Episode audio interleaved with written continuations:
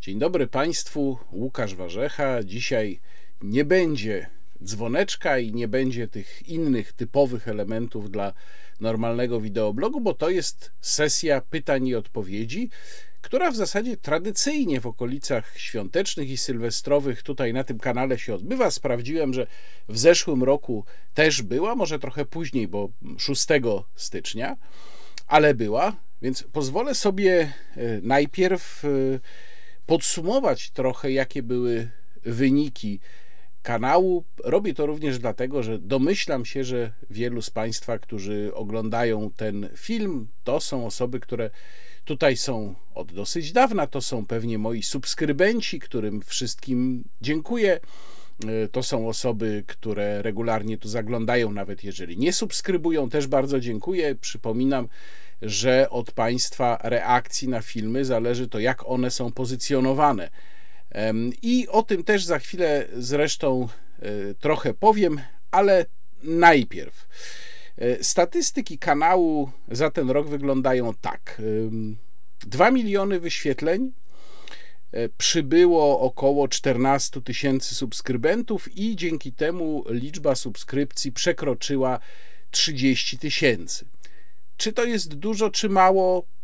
Ja muszę Państwu szczerze powiedzieć, że nie jestem y, specjalnie zadowolony, to znaczy cieszę się z każdej oczywiście subskrypcji, natomiast y, mam wrażenie, że powinno być ich więcej. Z czego wynika to, że ta liczba rośnie tak powoli? Nie wiem, być może podpowiedzą mi Państwo w komentarzach. Być może w niektórych pytaniach pojawią się też sugestie, co by można zrobić, co by można zmienić. No, na pewno niektórych rzeczy się nie przeskoczy, to znaczy ja nie zacznę tutaj mówić e, językiem, którym posługują się niektórzy moi koledzy, nagrywając swoje YouTube'owe materiały, a który to język jest e, mm, czasem bardzo gwałtowny, ostry, E, który opiera się na różnych bardzo efektownych stwierdzeniach. No to Państwo wiedzą, jak ja te materiały nagrywam. U mnie e, też trochę tego jest, no ale jednak zawsze staram się przede wszystkim Państwa oczekiwania zaspokajać poprzez analizę tego, co się dzieje, analizę dokumentów. No tego się nie przeskoczy, być może to po prostu stanowi pewien szklany sufit. W każdym razie, jeżeli mają Państwo jakieś pomysły, co można by zrobić, żeby kanał nabierał um, siły, żeby subskrybentów było więcej, żeby oglądających było więcej, to proszę dawać znać. 85 procent widzów było z Polski. Poza tym największe liczby odtworzeń były z Wielkiej Brytanii, Niemiec i Stanów Zjednoczonych, a najdalsze geograficznie miejsca, gdzie ktoś moje filmy odtwarzał, to było 12 wyświetleń z Republiki Południowej Afryki i 10 wyświetleń z Japonii. Jeżeli ktoś ogląda mnie w tak e, odległych punktach świata jak RPA czy Japonia, czy może jeszcze jakieś inne, to bardzo serdecznie pozdrawiam i proszę dać znać w komentarzu. Miasta, no to chyba nie ma tu dużego zaskoczenia. Przede wszystkim Warszawa, potem Kraków, Wrocław, Poznań i Katowice. Wiek widzów. Ciekawy rozkład. Najwięcej było osób y, w wieku 35-44 lata, to 28%. Na ile oczywiście można wierzyć statystykom YouTube'a, w jaki sposób wiek jest determinowany w tych statystykach, nie do końca wiem, no ale zakładam, że jakiś wskaźnik to jednak jest. Potem druga grupa, 24% to osoby w wieku 45-54 lata, czyli to jest mój przedział wiekowy.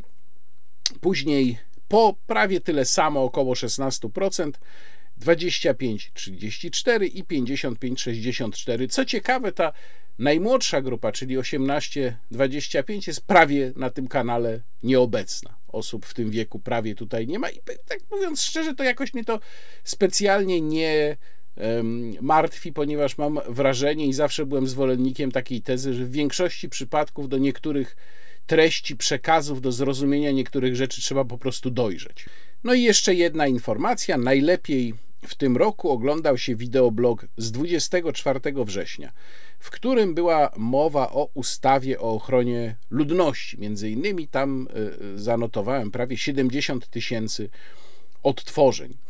No i y, jeszcze oczywiście muszę przypomnieć, że kanał wzbogacił się o kolejne dwa elementy, dwa cykle. To są moje rozmowy w cyklu Rozmowy Niekontrolowane i to jest podwójny kontekst, który robimy wspólnie z Antonim Dudkiem. I tutaj też muszę powiedzieć, że wyniki są takie, no powiedzmy w kratkę, e, takie jak zapowiadaliśmy zresztą z profesorem Dudkiem, my szukamy cały, cały czas formuły być może alternatywnej dla obecności na tym kanale. Zobaczymy, co z tych poszukiwań w nowym roku mm, wyjdzie. E, jeżeli chodzi o moje rozmowy, to prawdopodobnie będę je mm, tutaj kontynuował, natomiast też e, proszę moich widzów o popularyzowanie tego cyklu. I tu jeszcze dwa słowa, również trochę w odpowiedzi na komentarze pod e, ostatnimi dwoma materiałami, czyli pod wywiadem z panem wiceministrem Marcinem Warchołem i pod rozmową z ojcem Michałem Haberkiem.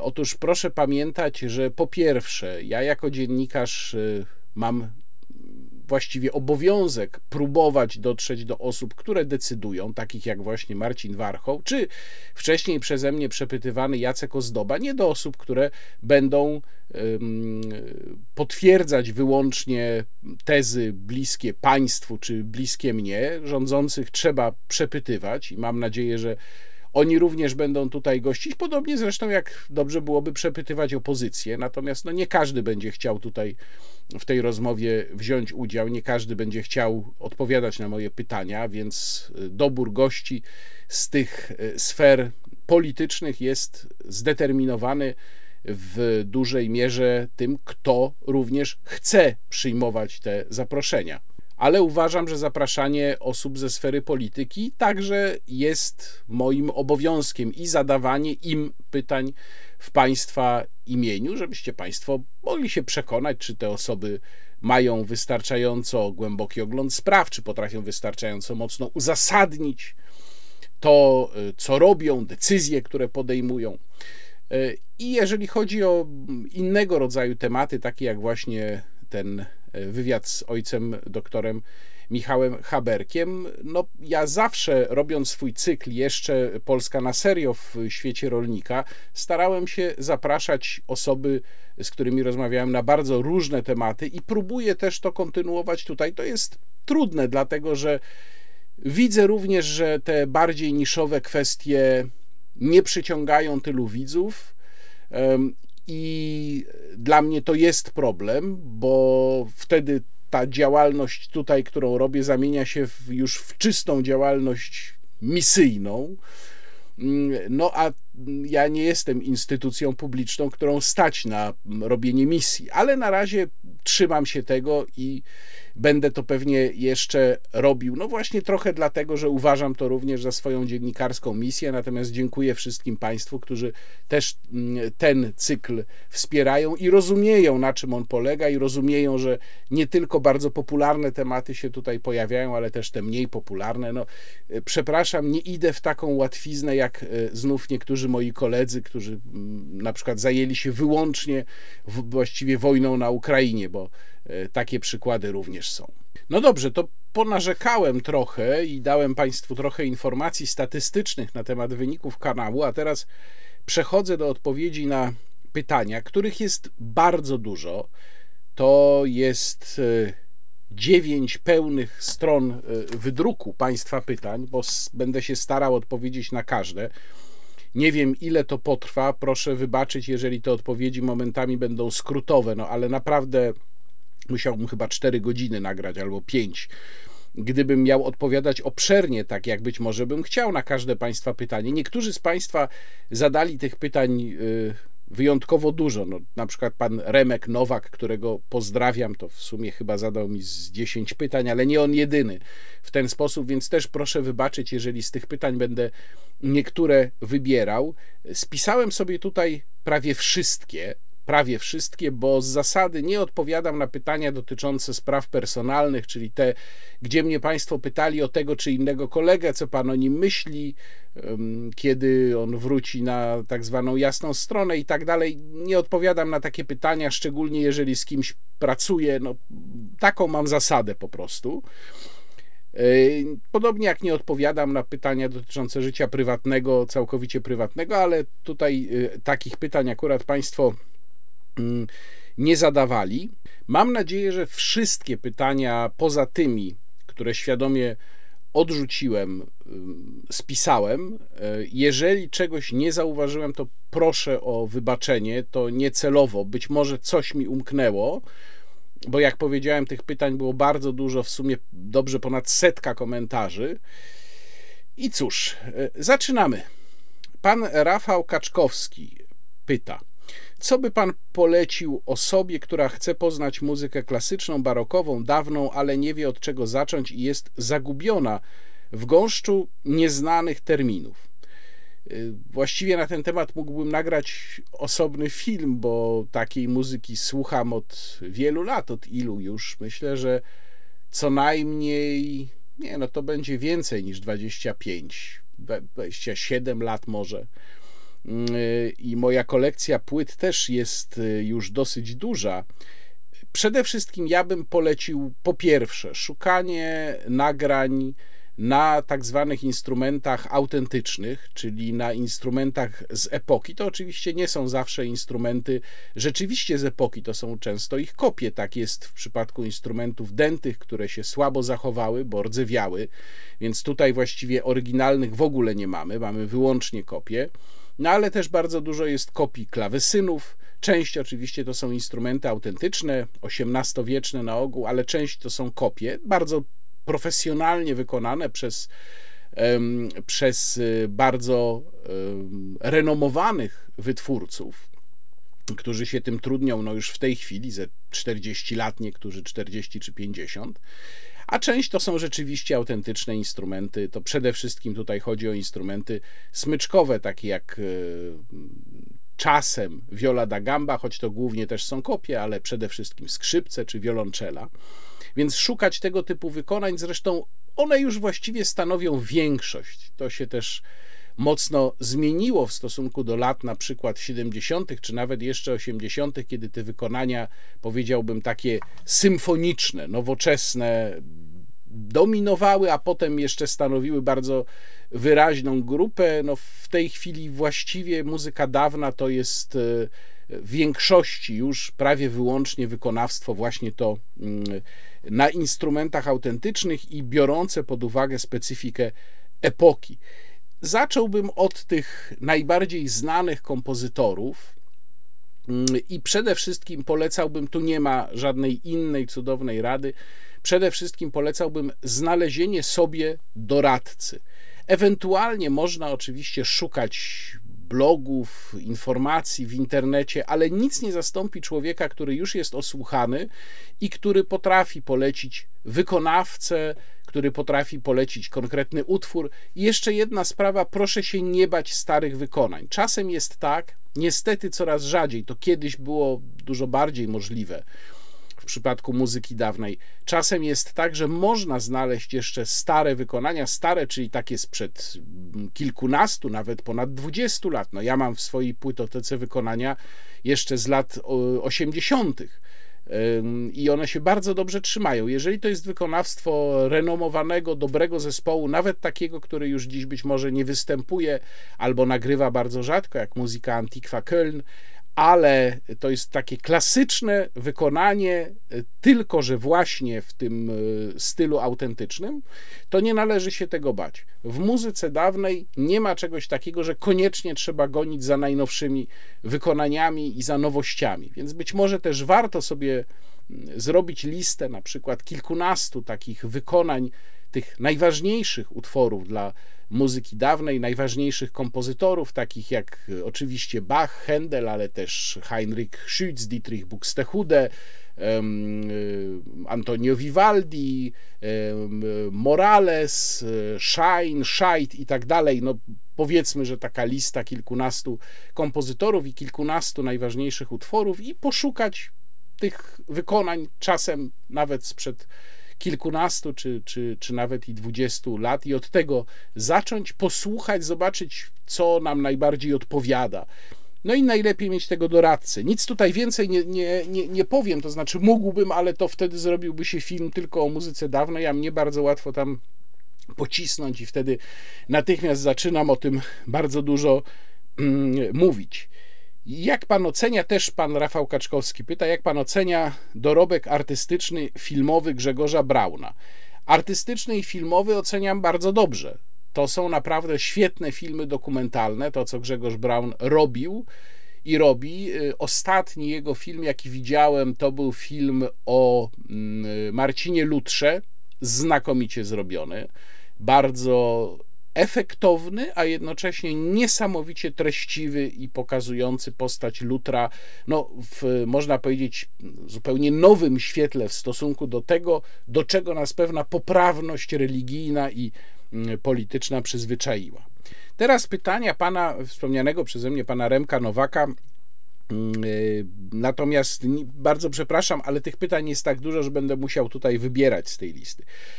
Kiedy narodził się pomysł powstania podwójnego kontekstu i kto był jego głównym pomysłodawcą? No to akurat bardzo dobrze pamiętam, mm, kiedy współpracowałem ze światem rolnika, było to chyba ze trzy lata temu.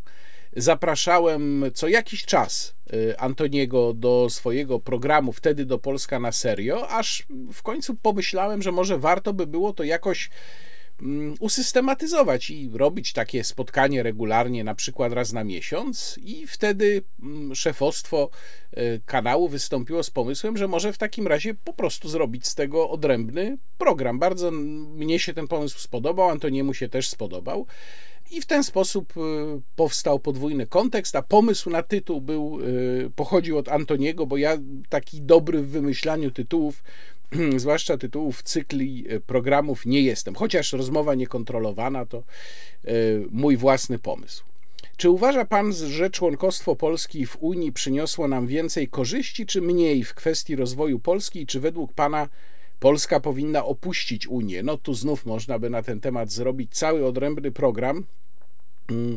Bardzo trudna jest odpowiedź, moim zdaniem, na pierwsze pytanie i nie odpowiem na nie szczegółowo. Natomiast odpowiadając generalnie, ogólnie, mogę powtórzyć to, co w niektórych moich tekstach się w ostatnim czasie pojawia. E, uważam, że to jest e, dynamiczny bilans zysków i strat, który systematycznie przechyla się na niekorzyść coraz bardziej i właściwie wziąwszy pod uwagę uwarunkowania polityki klimatycznej, tak jak ona ma teraz wyglądać, ja jestem już w tej chwili zdania, że on się przychyla na niekorzyść. Jeszcze do niedawna e, broniłem e, zysków tezy o zyskach z polskiego członkostwa w Unii.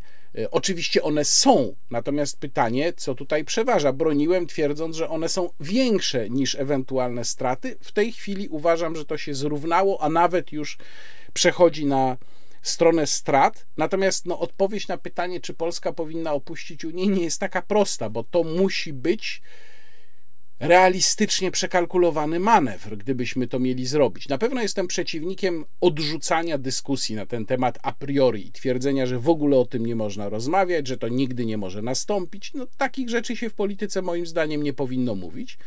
Natomiast zupełnie inna rzecz to jest, czy mamy realny pomysł, w jaki sposób mielibyśmy to mm, zrobić. Czy uważa pan, to wciąż pan Remek Nowak, że oprócz energii węglowej czy atomowej w przyszłości w Polsce powinny też mieć znaczenie odnawialne źródła energii, na przykład fotowoltaika i czy by pan zamontował takie panele na dachu swojego domu?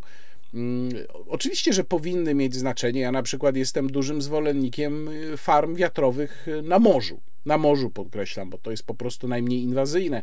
Natomiast cały czas miejmy świadomość, że jest jedna technologiczna przeszkoda, której nie przeskoczono, to znaczy y, nie ma magazynów energii, które pozwalałyby zmagazynować na dłuższy czas duże ilości energii wyprodukowanej wtedy, kiedy odnawialne źródła energii je produkują, a która to energia może być potrzebna w zupełnie innym momencie. No to jest ten stały problem, mówiąc w uproszczeniu, że wiatr nie wieje wtedy, kiedy jest większe zapotrzebowanie na energię, tylko wtedy, kiedy chce, a wtedy, kiedy jest większe zapotrzebowanie, może w ogóle nie wiać. Więc y, jestem zwolennikiem rozsądnego dodawania odnawialnych źródeł energii do tradycyjnych źródeł energii. A czy sam bym zamontował takie panele? Gdyby miał przekonanie na podstawie wyliczeń, które bym dostał, że, że tak, że to mi się opłaca, y, niekoniecznie po to, żeby wytwarzać tylko energię elektryczną, ale na przykład ciepło również, tak mój przyjaciel ma na przykład na na swoim e, domu, to pewnie bym zamontował, ale musiałbym mieć twarde i wiarygodne wyliczenia, że to mi się opłaca. Czemu pan zaprasza tak chętnie polityków Solidarnej Polski i Konfederacji na rozmowy? Nie widziałem nigdy rozmów z kimś z innej części opozycji. No tu częściowo odpowiedziałem na to pytanie już w, we wstępie. To jest kwestia po prostu tego, kto chce przychodzić do moich programów. Mm, natomiast tych rozmów też nie było znowu tak dużo. Ja się staram, żeby nie zdominowali ich politycy. Przede wszystkim zależy mi na tych, którzy mają jakiś prawdziwy wpływ na e, decyzje, no bo ci, którzy mają wpływ na decyzje, e, oni e, powinni być przede wszystkim przepytywani, choć nie wykluczam, że sięgnę po, po innych polityków z opozycji i pewnie to pytanie jest jakąś dla mnie mm, zachętą. Y, to tyle od pana Remka Nowaka. Przepraszam, nie odpowiadam na wszystkie pańskie pytania, ale tak jak powiedziałem, ich jest dużo, a pytań w ogóle jest bardzo dużo, więc przechodzę do kolejnych. Y, pan Artur pyta, którego z obecnie aktywnych polityków ceni pan najbardziej, a którego uważa za największego szkodnika z punktu widzenia interesów Polski i dlaczego? Odpowiedź na to drugie pytanie jest właściwie prosta którego uważam za największego szkodnika, pana premiera Mateusza Morawieckiego i nie mam co do tego absolutnie żadnych wątpliwości, żadnych wahań. Natomiast którego cenię najbardziej, ja jestem w ogóle bardzo, bardzo sceptyczny wobec polityków spod wszelkich sztandarów. I chyba na to pytanie postanowię nie odpowiadać, bo bardzo trudno mi pomyśleć o jakiejś jednej osobie, którą bym szczególnie cenił. Jakbym miał wskazać polityka już nieaktywnego, to znaczy również wliczając, włączając to to grono, to być może bym wskazał, może to dla Państwa będzie zaskoczenie, na Marka Jurka, czyli polityka, a właściwie już teraz nie polityka, tylko bardziej publicystę, mm, czy tłumacza również e, dzieł e, między innymi Charlesa Mora, e, polityka, który mm, zdecydował się odejść z polityki z powodów pryncypialnych i który zawsze imponował mi też kulturą osobistą, wyważeniem swoich opinii. No ale to jest człowiek, którego w polityce już nie ma. I drugie pytanie pana Artura: czy w pana ocenie jest realna szansa na zmianę polityki klimatycznej Unii Europejskiej? Nie chodzi nawet o całkowite jej zaniechanie, ale zejście z tak radykalnej drogi. No, Znów trzeba by pewnie zrobić długą analizę, żeby odpowiedzieć na to pytanie. Mm, ja bym powiedział, że szansa, tak, jakąś widzę. Po pierwsze, w zmianie układu w Komisji Europejskiej, w Parlamencie Europejskim przy okazji najbliższych wyborów, ale to też w bardzo dużej mierze zależy od tego, jak głęboko ludzie już wtedy będą odczuwali to, co się dzieje w związku z polityką klimatyczną i nie jestem wcale pewien, czy do tej radykalnej, jakiejś głębokiej zmiany dojdzie. Zobaczymy. Jest to możliwe, ale nie jest pewne. No i drugi taki powód, druga taka możliwość, to gdyby y, rzeczywiście finansowo z powodu polityki klimatycznej wszystko przestało się w Unii Europejskiej spinać. A to jest również możliwe. Ja tu przypomnę, że w 2026 roku ma nastąpić między innymi przegląd y, decyzji, y, przegląd rozporządzenia o zaniechaniu rejestracji nowych samochodów spalinowych od 2035 roku.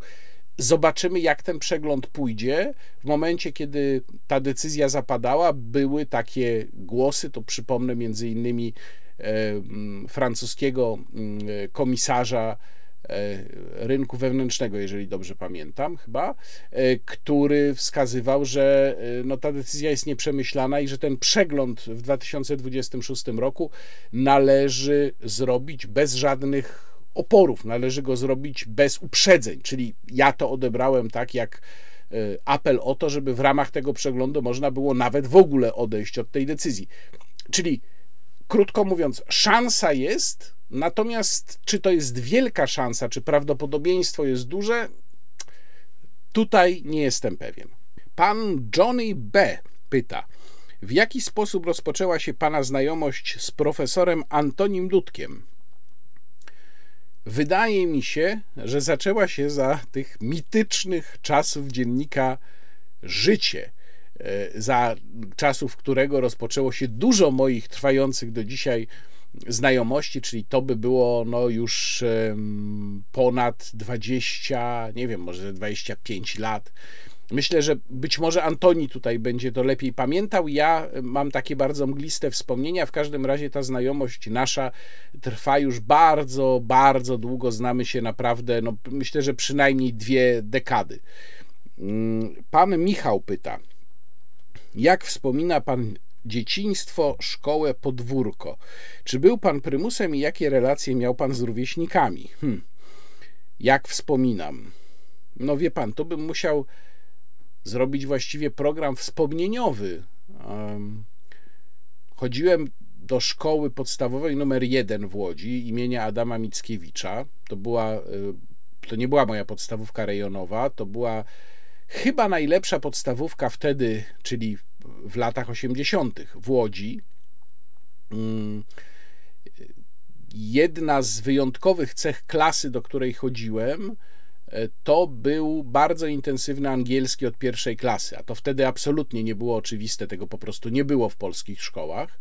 I to rzeczywiście była wyjątkowa rzecz, i bardzo mi się to e, przydało mm, w życiu a moje relacje z rówieśnikami, one chyba z tego co pamiętam były y, dosyć trudne w pierwszej, drugiej klasie, natomiast potem się stały normalne, czyli takie, no, jak wiadomo, przyjaźnie przychodzą, odchodzą, koledzy, różne zmiany relacji, no jak to w podstawówce. Z liceum mam nadal trochę znajomych i przynajmniej poprzez pośredników z niektórymi też mam jakiś kontakt, wiem mniej więcej, co się u nich dzieje.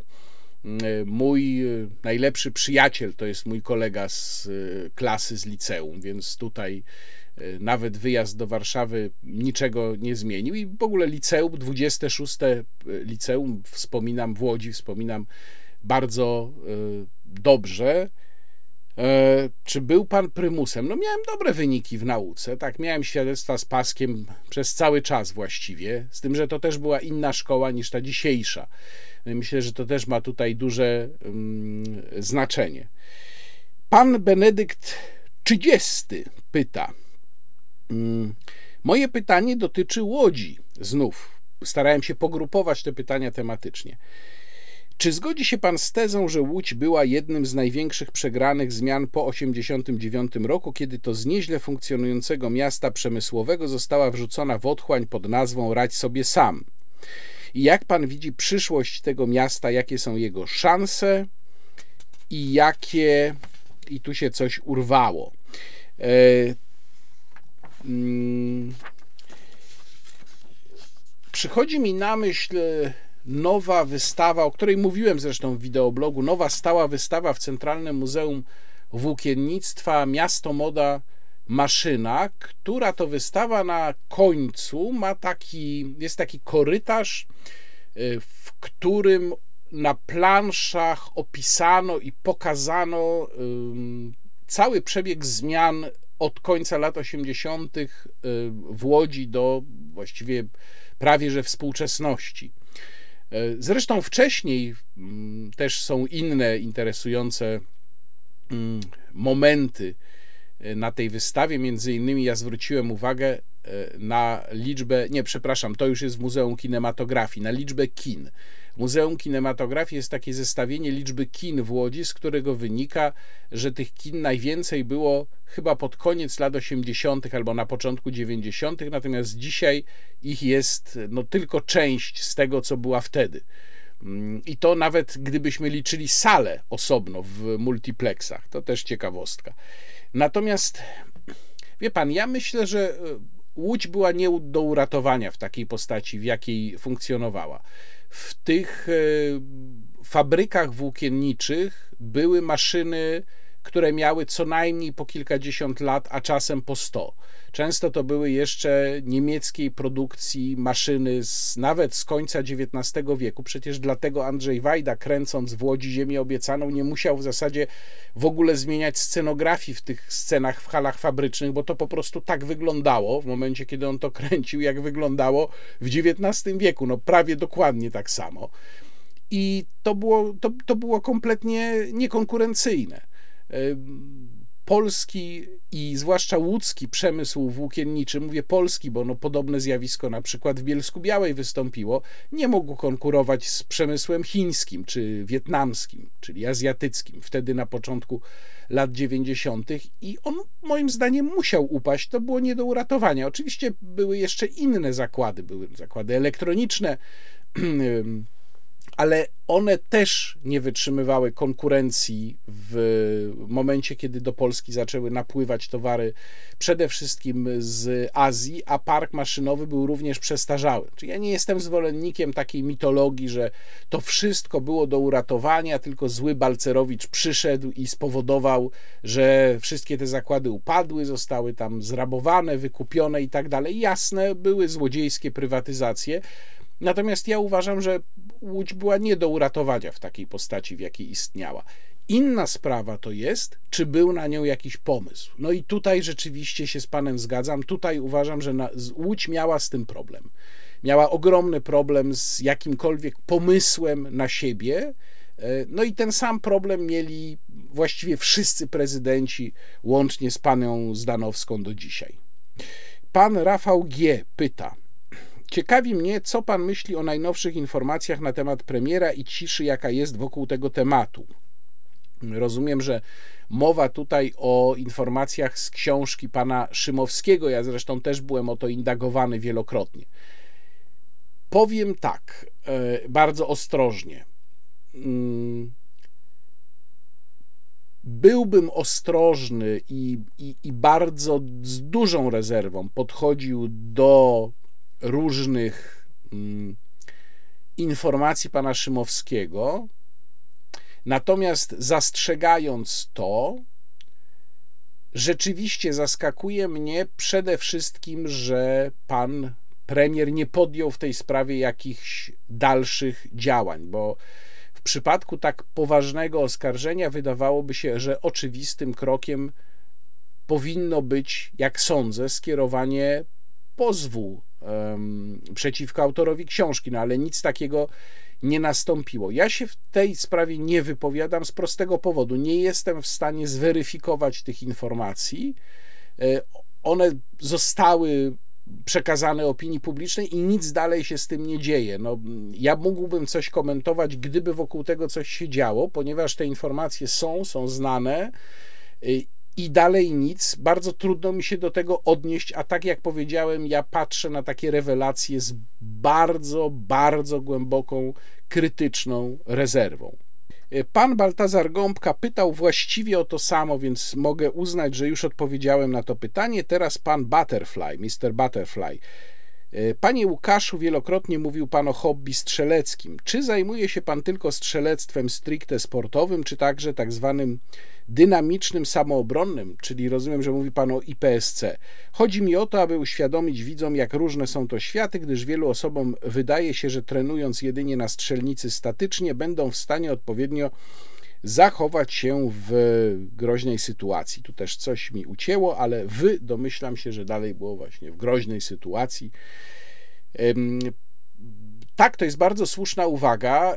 Ja się nie zajmuję IPSC, nigdy tego nie robiłem, chociaż chciałbym, może kiedyś będę miał taką okazję i będę miał odpowiedni sprzęt. No to jest też, powiedzmy sobie szczerze, kwestia finansowa, ponieważ strzelec na treningu dynamicznym zużywa dużo więcej amunicji, która w tej chwili no niestety bardzo podrożała, od paru miesięcy już bardzo podrożała. Nawet ta najbardziej podstawowa, nawet ta elaborowana, czyli taka wytwarzana w manufakturach przez y, osoby, które mają pozwolenie na elaborowanie amunicji, oczywiście. Y, I rzeczywiście strzelectwo statyczne no, nie przygotowuje nas do sytuacji takich, powiedziałbym, życiowych do tego przygotowuje innymi właśnie IPSC, strzelectwo dynamiczne, czyli takie, gdzie trenujemy szybkie wydobycie broni z kabury, gdzie trenujemy strzelanie nie takie, żeby trafić jak najwięcej punktów, tylko takie, żeby zbić zbijak, żeby trafić w ogóle w tarczę w szybkim tempie. No taka jest tutaj zasada, przemieszczając się po torze. To faktycznie jest zupełnie co innego. Ja się w to, jak mówię, nigdy nie bawiłem, chociaż cały czas mam nadzieję, że kiedyś taki moment przyjdzie. E, bardzo bym chciał. Mam znajomych, którzy są e, trenerami IPSC, więc pewnie nie miałbym tutaj problemu, no ale jakoś, jakoś się po prostu nie złożyło. E, pani Marzena Mikołajczyk w tym samym temacie albo w podobnym. Czy mógłby Pan opowiedzieć więcej o strzelaniu? Rozumiem, że to hobby, może nawet pasja. Jeśli już jest taki materiał, to proszę o link. Działa Pan na rzecz zwiększenia dostępu do broni. Chętnie usłyszałabym, skąd się wzięły takie zainteresowania. No, punktem wyjścia mm, było zawsze moje wolnościowe podejście, wolnościowe przekonanie. Ja uważam po prostu, że uczciwy obywatel powinien mieć prawo do posiadania broni po przejściu pewnych obiektywnych, podkreślam to bardzo mocno, obiektywnych testów, no tak jak to jest przy prawie jazdy. I zaczęło się to parę już dobrych lat temu. Tu specjalnie zdjąłem z półki zbiór swoich licencji Polskiego Związku Strzelectwa Sportowego. Ich już trochę jest i pierwsza z tych licencji jest z roku 2014. E, tak to wygląda. Tutaj zakrywam dane, ale licencja jest z roku 2014. Pierwsza którą miałem. Natomiast zaczęło się, to już opowiadałem w paru miejscach, ale powtórzę, od promocji e, książki Darka Lorantego, którego serdecznie pozdrawiam e, który zorganizował ją wtedy na strzelnicy Warszawianka. Dzisiaj tam też jest strzelnica, ale to już jest inna firma. Mm, natomiast wtedy tam spotkali się dziennikarze z autorem książki i w ramach promocji tej książki odbyło się strzelanie dla dziennikarzy, oczywiście z, z, mojego dzisiejszego punktu widzenia, no to takie bardzo, bardzo symboliczne, bo tam chyba każdy miał, nie pamiętam, po 10 albo nawet 5 strzałów tylko. Ja na jednym treningu dzisiaj wystrzeliwuję 100 naboi z dwóch różnych kalibrów. Natomiast y, pomyślałem, że no przecież to się da zrobić. To znaczy, jak się chce strzelać sportowo, to da się to zrobić. No to nie jest jakieś kompletnie nieosiągalne. I rzeczywiście się tym zainteresowałem. Ten 2014 rok to nie był rok, w którym zacząłem strzelać, bo to jest rok, w którym otrzymałem pierwszą licencję. Natomiast y, zacząłem strzelać jeszcze rok wcześniej, czyli to już będzie no 10 lat. W 2023 roku 10 lat od momentu, kiedy zacząłem strzelać, więc moją strzelecką y, pasję i pójście tą drogą zawdzięczam w dużej mierze Darkowi Lorantemu. Czy y, coś więcej o strzelaniu? Ja w którymś z wideoblogów chyba coś więcej mówiłem, natomiast jeżeli pani jest zainteresowana, bez problemu można znaleźć takie materiały w internecie. Trzeba tylko trochę poszukać, w których ludzie opowiadają mm, o strzeleckiej pasji, ale też mówią, jak można zacząć strzelać, jak można y, stać się posiadaczem broni, posiadaczem pozwolenia. I dalej pozostajemy przy strzelaniu. Pan Xander Blade pisze: Proszę opisać pańskie wymarzone zasady, przepisy dotyczące dostępu do broni. No, ja właściwie o tym mówiłem. Wymarzone. Ja wolę opisywać te realne. Jest projekt w Sejmie, który, pod którym ja bym się podpisał. To jest ten projekt firmowany przez y, Pawła Kukiza, który zakłada mm, racjonalizację podejścia do posiadania broni, przede wszystkim racjonalizację, czyli y, zobiektywizowanie kryteriów posiadania broni. Ja bym tam dodał jeszcze, chociaż to z różnych politycznych powodów może jest mało mm, mało e, przydatne, czy może zaszkodzić temu, mogłoby zaszkodzić temu projektowi, w nim tego nie ma, właśnie dlatego, żeby kwestię pozwoleń na broń przejęli starostowie, żeby odebrać to policji. I pewnie gdybym ja miał taką moc decyzyjną, to bym tak zrobił, no ale e, policja to jest w ogóle osobny temat, to jest państwo w państwie, policja e, jakby co to potrafi przywalić z granatnika, więc lepiej bądźmy ostrożni. E, więc tak, wszystko właściwie, co ja bym chciał zmienić, czy prawie wszystko, to jest w tamtym projekcie, może z pewnymi drobnymi jeszcze zmianami. Natomiast najważniejsze rzeczy to jest e, e, po pierwsze to, że nie rezygnujemy z pewnych, jak mówię, obiektywnych kryteriów testujących obywateli, ale obiektywnych, czyli zero uznaniowości. Te kryteria nie mogą być bardzo Mm, wyśrubowane, no między innymi powinny zakładać niekaralność, ale też zdefiniowaną odpowiednio, nie jeżeli chodzi o każdy rodzaj złamania prawa. Myślę, że bardzo ważną rzeczą jest odejście od tego, co mamy w obecnej ustawie o broni i amunicji, czyli od y, absurdalnej kategoryzacji broni pod względem celu.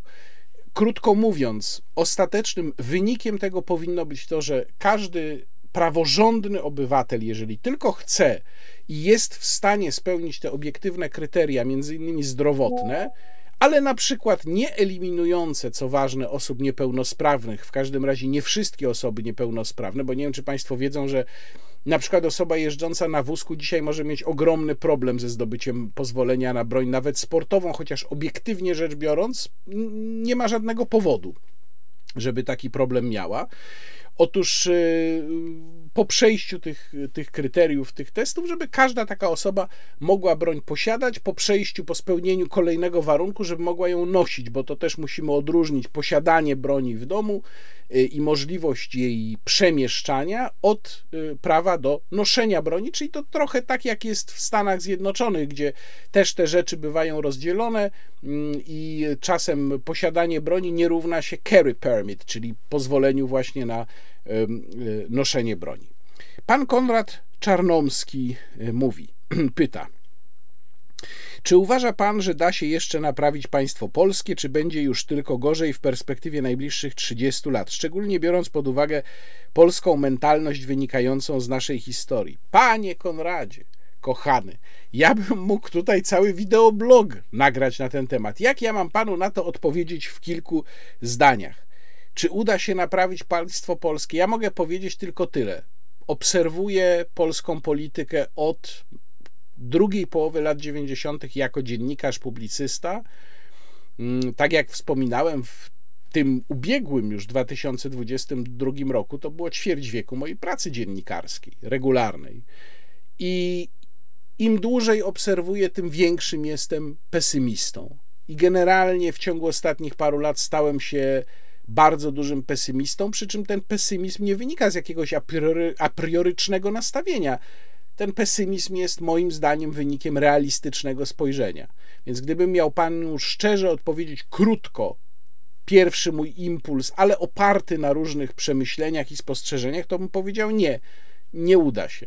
Ale być może się mylę, być może wydarzy się seria jakichś cudów i jednak powstanie Wielka Polska. Zobaczymy.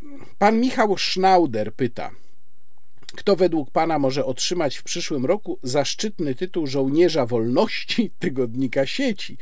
Czy ambasador minister Melnyk ma według Pana duże szanse? No, tu bym raczej nie stawiał na pana Melnyka. Myślę, że to by jednak nawet jak na braci klęczących było zbyt radykalne. Zresztą zobaczymy, jaka w ogóle będzie sytuacja w przyszłym roku. Natomiast trochę byłem jednak zdziwiony, że to pan minister Błaszczak, a nie pan y, prezydent Wołodymyr Zełeński ten tytuł otrzymał w tym roku. Więc może się bracia klęczący poprawią w przyszłym. Pan Maciej Niedźwiecki pyta, który album Jacka Kaczmarskiego ceni pan najbardziej? Ja muszę się przyznać, że ja nie mam w głowie pogrupowanych piosenek Jacka Kaczmarskiego na albumy. raczej myślę o nich w sensie chronologicznym, to znaczy mniej więcej kategoryzuje je latami, tak jak w jakich okresach życia Jacek Kaczmarski te piosenki układał. I gdybym miał tutaj panu odpowiedzieć, to też by mi było bardzo trudno, bo mm, piosenki takie jak Krajobraz po uczcie na przykład, to jest stara piosenka Jacka Kaczmarskiego, e, którą zresztą jako pierwszą nauczyłem się grać w ogóle na gitarze. Właśnie krajobraz e, po uczcie. Nie ogryźli kości, nie dopili wina, resztek jedzenia szuka pies pod stołem. E, to jest piosenka, która jest tak samo aktualna jak jego piosenki z lat, no nawet dwutysięcznych. E, więc e, bardzo trudno mi tutaj by było wskazać. Ja mogę raczej chyba powiedzieć, który nurt twórczości bardziej lubię. Kiedyś byłem na koncercie piosenek Jacka Kaczmarskiego, po którym sobie dużo obiecywałem, a który mnie rozczarował głównie dlatego, że to były przede wszystkim jego piosenki w tym nurcie bardziej poetyckim, w większości zresztą mi nieznane. Ja lubię te jego piosenki, które są z politycznym albo historycznym e, pazurem. Jan Kochanowski, jedna z ulubionych e, moich e, piosenek Jacka Kaczmarskiego, właśnie Krajobraz po uczcie, już wcześniej przeze mnie wspomniany, Marsz Intelektualistów, no bardzo polityczna przecież mm, piosenka. Diabeł mój, może mniej polityczna, ale też taka, no powiedziałbym, z tym, z tym zębem charakterystycznym dla Jacka Kaczmarskiego. Najmniej lubię te, które są czysto poetyckie i oderwane od naszej rzeczywistości społecznej i politycznej.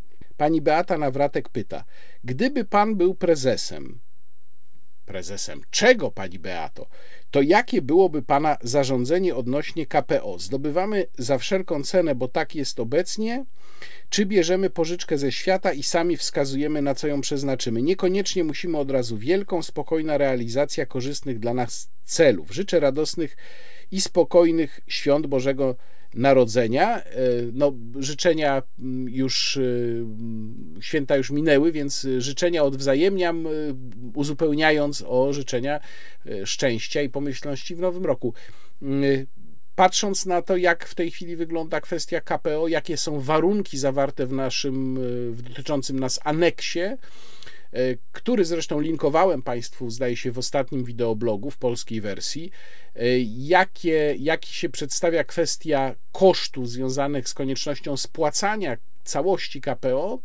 E, myślę, że moja decyzja, gdybym mógł taką decyzję podejmować, byłaby taka, że wycofujemy się z tego programu. No problem polega na tym, że jak Państwo wiedzą, myśmy już się do niego zapisali i zapisaliśmy się i już go musimy spłacać. Więc tutaj no, mamy formalny problem, jak byśmy się mieli z tego wyklamkować, ale sama kierunkowa decyzja z mojej strony, wycofanie się, uważam, że to się po prostu Polsce i polskim obywatelom nie opłaca. Natomiast trzeba by, rzecz jasna, szukać źródeł pieniędzy, tylko że ja bym tych źródeł pieniędzy szukał przede wszystkim w radykalnej modyfikacji polityki monetarnej i fiskalnej państwa. Y, pan lub pani Blushweaver. Może z okazji nowego roku mógłby pan skomponować mini kalendarz godnych polecenia wydarzeń kulturalnych. Będę szczególnie wdzięczna za polecajki z Dolnego Śląska. E, wdzięczna, czyli pani Blushweaver. Blushweaver bardzo przepraszam, ale nie mogę tego zrobić po prostu dlatego, że sam mam problem z wyszukiwaniem takich wydarzeń.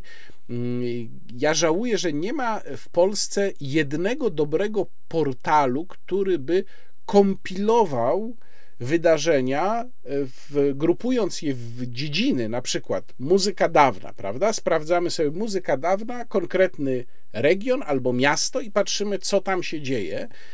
Nie wiem, dlaczego Nikt czegoś takiego nie zrobił. Ja nawet parę razy taki pomysł podrzucałem różnym osobom.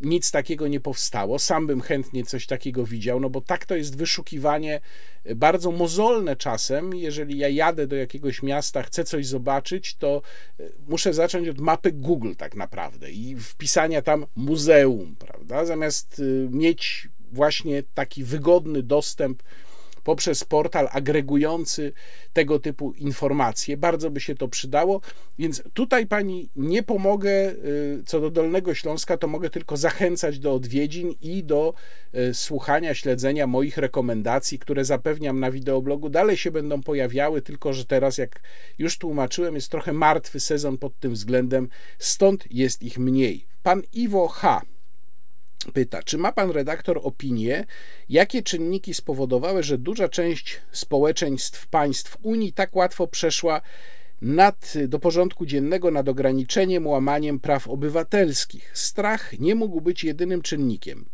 Zgoda na łamanie praw była nadal, mimo już niekwestionowanego osłabienia wirusa, niskiej skuteczności szczepień i braku skuteczności szczepień w zatrzymaniu transmisji wirusa. I co zdecydowało według Pana, że w Polsce odsetek osób godzących się na zamordyzm był nieco niższy niż w Europie Zachodniej? Wie Pan, ja zacząłbym od zakwestionowania tego ostatniego stwierdzenia. Czy był niższy? No, sondaże niby pokazywały, że opinia publiczna jest tak prawie zawsze pół na pół podzielona, ale proszę zauważyć, że na Zachodzie dochodziło do naprawdę masowych protestów przeciwko ograniczeniom covidowym. W Polsce właściwie czegoś takiego nie było. To, co było, to były jakieś incydenty, naprawdę no, w bardzo małej skali.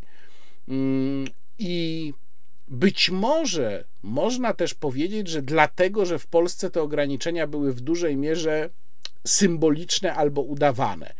Może tak, ale moja teza jednak jest taka, że Polacy bardzo łatwo dają sobie wejść na głowę władzy, ponieważ są przekonani, że zawsze jakoś tam zakombinują i się uda, jakoś się uda bokiem przejść. A to niestety w którymś momencie może przestać działać.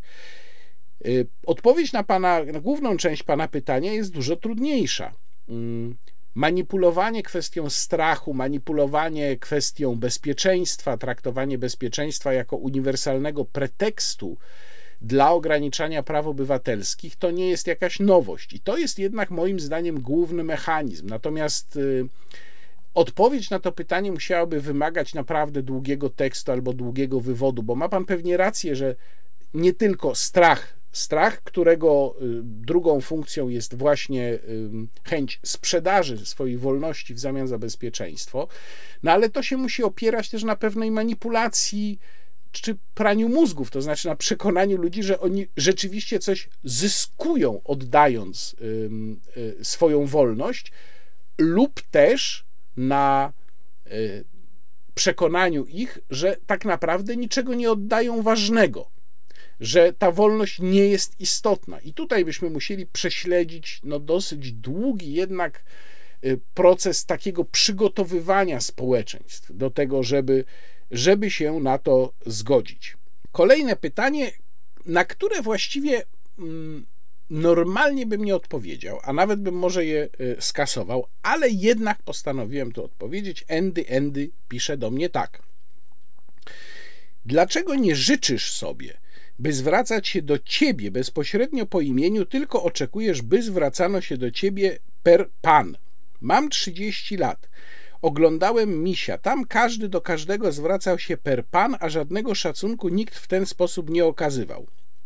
Dodatkowo pracuję od 10 lat w Anglii, byłem również w Holandii, Hiszpanii i Norwegii i zauważyłem, że ludzie zwracający się do siebie bezpośrednio są bardziej otwarci. Natomiast ludzie zwracający się per pan tworzą wokół siebie mentalną, sztuczną granicę. Szanowny panie Endy Endy, sposób zwracania się do obcych ludzi w Polsce jest naszym dziedzictwem kulturowym. I to już jest pierwszy powód, żeby je zachowywać. To dziedzictwo kulturowe odzwierciedla pewną mentalność, która być może dla Polski jest unikatowa, choć Polska nie jest jedynym krajem, gdzie w ten sposób się do siebie zwracamy. No jeżeli pan mówi, że pracował pan w Hiszpanii, to wie pan, że w Hiszpanii też jest specyficzna forma odpowiadająca polskiemu pan, pani, usted, ustedes, prawda? Jeżeli się zwracamy do kogoś obcego. Mm, ja kompletnie nie przyjmuję argumentu o tym, że ludzie są bardziej bezpośredni. A może ja nie chcę być bezpośredni? Może ja uważam, że ten dystans jest czymś dobrym. I to jest naturalne wychowanie, naturalny nawyk, z którym wychodzimy, ludzie normalnie wychowani wychodzą ze swoich rodzin, to jest pewien e, naturalny dystans, który moim zdaniem jest potrzebny w społeczeństwie e, i nie widzę żadnego powodu, żeby z niego rezygnować. To znaczy, nie widzę żadnej korzyści z takiej bezpośredniości pomiędzy obcymi ludźmi. Wręcz uważam, że to sprzyjałoby pewnej, powiedziałbym, anarchizacji, bo na przykład łatwiej jest człowiekowi, do którego mówimy na ty, powiedzieć coś niemiłego. Proszę zwrócić uwagę, że kiedy dochodzi czasem do konfrontacji między obcymi ludźmi, oni wtedy zaczynają do siebie mówić na ty, bo uważają, że to jest obraźliwe, a także łatwiej jest do kogoś powiedzieć weź, nie? niż powiedzieć do niego niech pan, prawda? No, no tak się raczej nie powie. Więc kompletnie się z panem nie zgadzam i nie akceptuję takiej formy w przypadku ludzi, których osobiście nie znam. Nie akceptuję również argumentu, o czym wielokrotnie pisałem i co tłumaczyłem, że w internecie to wszyscy są na ty. Tak to mogło być kiedyś, nie wiem, 20-25 lat temu, jak internet w Polsce startował, wtedy rzeczywiście była netykieta. Natomiast dzisiaj, kiedy w sieci spotykamy ludzi dokładnie tych samych, co w normalnym przekroju społecznym, czyli spotykamy e, ludzi, którym jesteśmy z zasady winni szacunek, to znaczy są profesorowie uniwersyteccy, są weterani wojenni, są hierarchowie kościelni, są ministrowie i tak dalej, i tak. Zwracanie się do wszystkich na ty jest w moim przekonaniu po prostu niedopuszczalne. Etykieta to jest, to są, to jest zbiór przepisów z przeszłości, które straciły aktualność. Natomiast y, no, argument, że w misiu ludzie nie okazywali sobie szacunku, a mówili do siebie na pan, pani, jest kompletnie y, absurdalny. To jest mniej więcej tak, jakbyśmy stwierdzili, że drogi wybudowane za komuny były złej jakości, więc nie budujmy więcej dróg. Pan Jacek Kostek Power. Panie Łukaszu, chciałbym usłyszeć odpowiedź o pańskich początkach, a później pracy w dzienniku Życie z Kropką, współpracy z naczelnym Tomaszem Wołkiem oraz dziennikarzami, z którymi tam się pan spotkał, a którzy dziś stanowią mocne prawe ramię PiSu. Co pan sądzi z dzisiejszego punktu widzenia, dlaczego aż tak wasze drogi się rozeszły? Może słowo o aferach opisywanych w dzienniku Życie, na przykład sprawa Olina i inne. No tutaj znów mógłbym dużo opowiadać, muszę, muszę to skrócić. Um, to była pierwsza moja regularna praca dziennikarska, zaczęta w 1997 roku. Zacząłem tam pracować najpierw w dziale zagranicznym, Potem zostałem e, przeciągnięty przez Roberta Krasowskiego, szefa działu opinii, właśnie do działu opinii, i wtedy zająłem się już publicystyką, więc też można powiedzieć, że moja droga dziennikarska była nietypowa, bo zwykle ona jednak prowadzi przez opisywanie wydarzeń do publicystyki.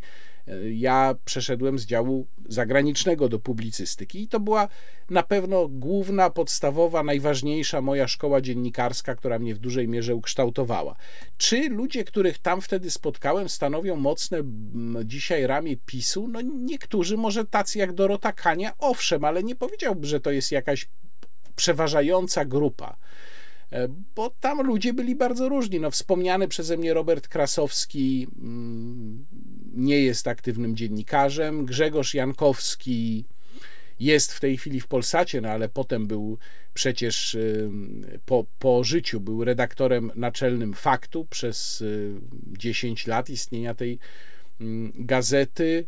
E, Piotr Skwieciński na przykład, no jest, też już nie jest dziennikarzem, wrócił z Moskwy, gdzie był dyrektorem e, Instytutu Polskiego, więc nie powiedziałbym, że to jest jakaś uniwersalna zasada. Co do tych spraw, o które pan pyta, które opisywał dziennik Życie, ja się tym nie zajmowałem nie powiem panu nic więcej niż to, co jest pan w stanie e, przeczytać w internecie. Ja wtedy w ogóle przyszedłem do dziennika Życie, zdaje się, w momencie, kiedy chyba sprawa Olina już była um, jakoś tam rozpracowywana i, i, i po tej publikacji, z tego co pamiętam, więc w ogóle w tym nie brałem udziału, obserwowałem już tylko, jakie były tego konsekwencje. Pan Bartkant pyta, jakich słuchawek pan używa do słuchania muzyki, chociażby muzyki dawnej, bo widzę, że wisi za panem kilka par. Tak, ale one służą do różnych rzeczy. Generalnie rzecz biorąc, e, to nie są jakieś high-endowe sprzęty, natomiast uważam, że jeżeli się słucha na słuchawkach muzyki, to znacznie lepiej jest słuchać przewodowo niż bezprzewodowo. Stąd na przykład te słuchawki, które tutaj widać, o, one są bezprzewodowe, ja używam ich, kiedy dokądś wyjeżdżam, no po prostu są wygodniejsze. Natomiast do słuchania e, muzyki używam takich przyzwoitych, ale już mających dobrych kilkanaście lat słuchawek Sennheisera, które mi bardzo odpowiadają. Nic się z nimi nie dzieje, jak mówię, nie są to high-endowe słuchawki, natomiast do słuchania muzyki e, w, na sprzęcie, który ja mam, a to też nie jest jakiś specjalnie high-endowy sprzęt, po prostu wieża marki Denon, czyli dobrej firmy, ale bez przesady, e, one całkowicie wystarczają. Jeszcze jedno pytanie od pana Rafała Kaczkowskiego. Moje pytanie nie jest motywowane jakimś żałosnym pędem do tropienia ruskich onuc, lecz wynika jedynie ze szczerego zainteresowania działalnością redakcji. Jak pan wspomina swoją pracę w myśli polskiej? Jak pan ocenia działalność tej redakcji? Zdaje się, że wielu wskazuje ją jako samo jądro prorosyjskości w Polsce. E to był epizod podczas studiów, e, kiedy no, też układ polityczny w Polsce był kompletnie e, inny, chociaż rzeczywiście taka mocno powiedziałbym tradycyjnie endecka myśl w myśli polskiej wtedy oczywiście była. Ja publikacji myśli polskiej nie śledzę już od bardzo, bardzo, bardzo wielu lat. Wtedy robiłem tam rzeczy takie, no na przykład pamiętam, jak pojechałem na patrol z policjantami i napisałem o tym reportaż, więc to były raczej tego typu sprawy, choć oczywiście teksty polityczne również się zdarzały. Bardzo trudno mi w związku z tym odpowiedzieć na pytanie o, o dzisiaj. Po prostu nie znam działalności myśli polskiej dzisiaj. Dla mnie to jest bardzo, bardzo dawny epizod, który trwał może około półtora roku, nawet nie jestem w stanie w tej chwili powiedzieć, mm, a była to mniej więcej druga połowa lat 90., może jakiś 90, nie, pierwsza nawet połowa, może 94, trzeci rok, więc no tak dawno temu, 30 lat temu, trudno mi naprawdę cokolwiek więcej powiedzieć. Pan Paweł Adamczyk, proszę o uogólnienie pańskiego stosunku do działalności premiera Morawieckiego. Czy pańskim zdaniem jest to polityk w jakimś przynajmniej stopniu wyrastający ze specyfiki politycznej III RP, czy też widziałby pan w nim cechy pozasystemowe? Jak pan widzi przyszłość premiera? Uogólnienie mojego stosunku do działalności premiera Morawieckiego jest takie, że jest to bez wątpienia jeden z najszkodliwszych polityków, jacy kiedykolwiek e, Polską rządzili. No niestety premier Morawiecki rządzi już od dobrych kilku lat i ja mm, z każdym rokiem zdawałem sobie coraz wyraźniej sprawę ze szkodliwości tego, co on proponuje. No to jest premier, który nas e, wrzucił we wszystkie niekorzystne rozwiązania związane z polityką klimatyczną Unii Europejskiej. Jemu to zawdzięczamy.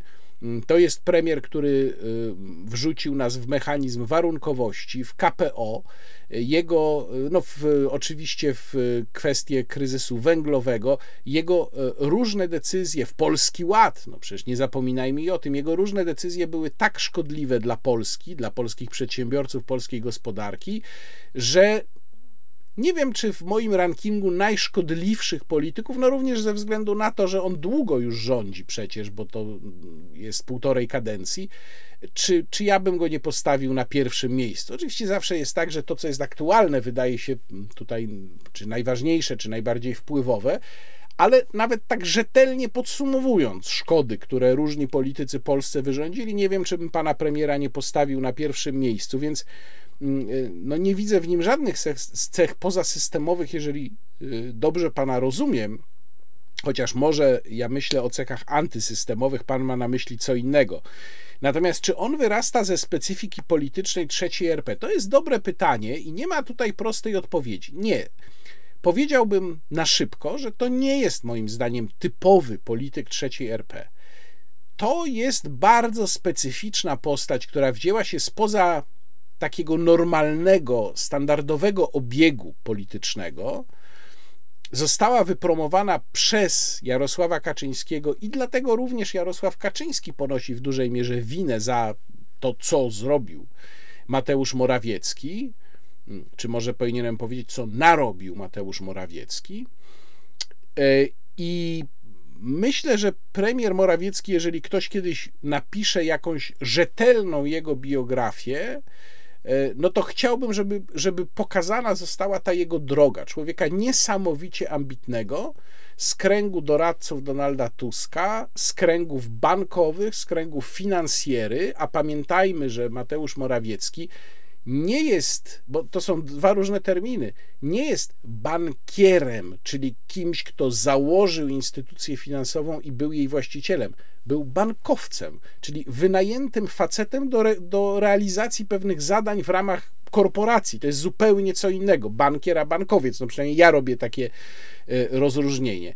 I ten bankowiec nagle zmienia się, e, a może nie zmienia, może po prostu zawsze był, w skrajnego etatystę, który psuje na potęgę polskie państwo e, w czasie sprawowania przez siebie władzy. Więc ja tak widzę tę postać.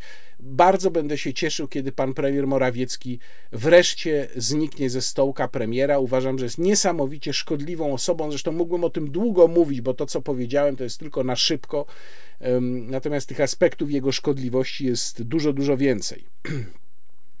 Pan Jean Valjean czy uważa pan mijający rok za swój najlepszy okres pod względem zawodowym? Jeśli nie, to czego brakowało, aby pan mógł tak uznać? Nie, nie uważam tego roku za najlepszego pod względem zawodowym. E, pod względem zawodowym, no takim ludziom jak ja jest raczej trudno. To jest nieustająca walka i ten rok też był rokiem walki. Pewnie gdyby wyniki również tego kanału były lepsze, o czym mówiłem na samym początku, to byłbym bardziej usatysfakcjonowany, ale tutaj, jak powiedziałem, liczę na Państwa pomoc w 2023 i być może, no, gdyby się na przykład udało dociągnąć liczbę subskrybentów do podwójnej liczby obecnej na koniec roku 2023, czyli do 60 tysięcy, byłoby wspaniale. I drugie pytanie pana Walżana. Czy fatalną politykę zagraniczną Polski ostatnich 20 lat można tłumaczyć po prostu nieprawdopodobną, wrodzoną naiwnością, słabością kadr, brakiem doświadczenia? Y, poświęceniem polityki zagranicznej na potrzeby polityki wewnętrznej, brakiem stabilizacji, czyli chcemy, ale nie umiemy, czy też kraj o takim położeniu geopolitycznym jak Polska po prostu z definicji jest areną walki obcych mocarstw i nie ma tu absolutnie miejsca na suwerenną politykę, a nasze rządy i ich ministrowie po prostu wykonują polecenia swoich przełożonych z nad Szprewy, Potomaku lub Tamizy. Innymi słowy, brak umiejętności czy brak decyzyjności. No znów to jest jedno z tych pytań, bardzo dobre i ciekawe pytanie, ale to jest temat na esej, proszę pana, a nie na krótką wypowiedź w wideoblogu pytania i odpowiedzi. Mm, ale jakbym już musiał odpowiedzieć krótko, to bym powiedział, mm, że chyba jednak bardziej to pierwsze. To znaczy, mam wrażenie, że gdyby Polską rządzili ludzie inni niż ci, którzy rządzą. Oczywiście to jest bardzo teoretyczne i hipotetyczne, no bo wiadomo, że skąd tych innych ludzi wziąć. Ale gdyby rządzili ludzie inni, e, gdyby przenieść polityków z jakiegoś innego okresu i postawić ich dzisiaj na czele Rzeczpospolitej, nie wiem, no powiedzmy z drugiej połowy XVI wieku, dajmy na to, prawda? Przenosimy, y, robimy tam szybki update, jeżeli chodzi o, o technologię, współczesną politykę i tak dalej, i stawiamy ich na czele Rzeczpospolitej, to myślę, że byśmy mogli być w zupełnie innym miejscu. Oczywiście geopolityka też, i tego się nie pozbędziemy. No, działamy w takim miejscu, żyjemy w takich warunkach, w jakich żyjemy, więc to nas też uwarunkowuje. Y, ale mam y, przekonanie, które nie jest tylko wyczuciem, ale wynikiem moich obserwacji, że te pierwsze kwestie, czyli właśnie brak umiejętności, czyli byle jakość, czyli właśnie traktowanie polityki zagranicznej jako sposobu na zyskanie elektoratu w kolejnych wyborach, y, że, że to tutaj jednak ma przeważający wpływ I ja zresztą nie jestem deterministą, jeżeli chodzi o los państw. Nie uważam, żeby nawet najgorsze położenie geograficzne musiało koniecznie determinować to, co się z państwem dzieje. Pan Długi pyta, czy jest szansa na wspólny cykliczny program z Rafałami Ziemkiewiczem i Otoką? Nie mieliśmy takich pomysłów, nie rozmawialiśmy nigdy o tym.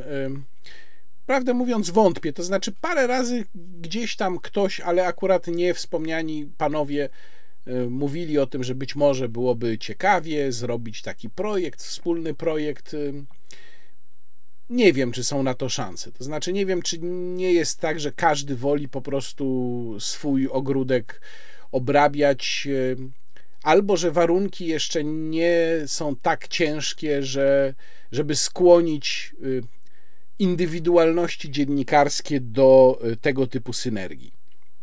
Jeżeli macie Państwo jakieś na ten temat uwagi albo refleksje, to bardzo proszę wpisujcie w komentarzach. Pan Wojciech Orłowski.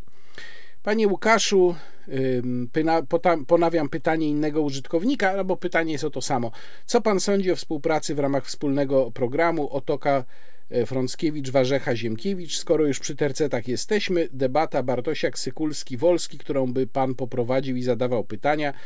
Mm, nie mam projektu takiej debaty, nie mam pojęcia, czy panowie w ogóle by chcieli ze sobą debatować, a na pierwsze pańskie pytanie, no właściwie już y, odpowiadałem. Nie ma, przynajmniej w tym momencie, nie ma takich projektów i nigdy nie było rozmów mm, na temat czegoś takiego.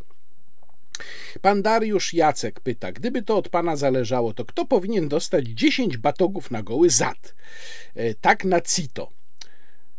E kto powinien? Mówiłem o tym panu.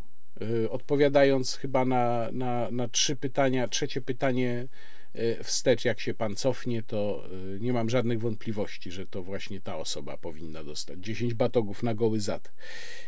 Pan Daniel pyta, czy przyjąłby pan zaproszenie do hate parku w kanale sportowym?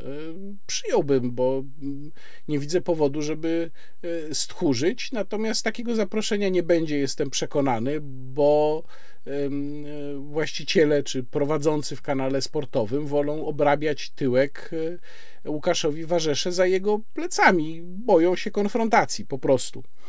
E, pan Mateusz pyta, czy lubi pan jakikolwiek sport? E, odpowiadam nie. Mariusz Białek pyta, Podobnie, czy interesuje się pan sportem? Jeśli tak, to jaka jest to dyscyplina? Nie, nie interesuje się sportem. Sport co do zasady mnie bardzo nudzi poza jakimiś pojedynczymi mm, pojedynczymi zupełnie wydarzeniami. No miałem taki okres, że byłem w stanie oglądać na przykład skoki narciarskie, ale ogólnie rzecz biorąc sport mnie po prostu, oglądany sport mnie po prostu niesamowicie nudzi żadnego sportu nigdy nie uprawiałem. Ja prawdę mówiąc nie wiem, może ja mam coś nie tak z głową, ale ja kompletnie nie rozumiem, jak ludzie mogą się fascynować sportem i nie rozumiem zainteresowania oglądaniem sportu jako widz. Właściwie nie ma takiego sportu, o którym mógłbym powiedzieć, że naprawdę jest dla mnie wciągający. Tenis jest dla mnie potwornie nudny, piłka nożna niesamowicie nudna, koszykówka chyba jeszcze bardziej sporty motorowe dramatycznie nudne. Jeszcze jakoś jestem w stanie oglądać e, sporty związane z nartami. Tak jak powiedziałem, kiedyś mnie trochę zainteresowały skoki narciarskie, może slalom gigant. No to jest jakoś tam efektowne, ale też ile można tego oglądać? No obejrzy się ze trzy takie zjazdy, wszystkie są takie same. Nie rozumiem, po prostu jestem kompletnie asportowym typem. Pan Wedelt pyta, oglądał pan Hate Park z Cookizem, a jeżeli tak, to czy zmienił pan o nim zdanie na lepsze lub na gorsze? Nie oglądałem. Pan Robert G. Czy każda władza musi zawsze tuszować afery na przykładzie słynnego komedianta z posterunku? To jest właściwie, niby to jest pytanie proste, ale to jest dobre pytanie.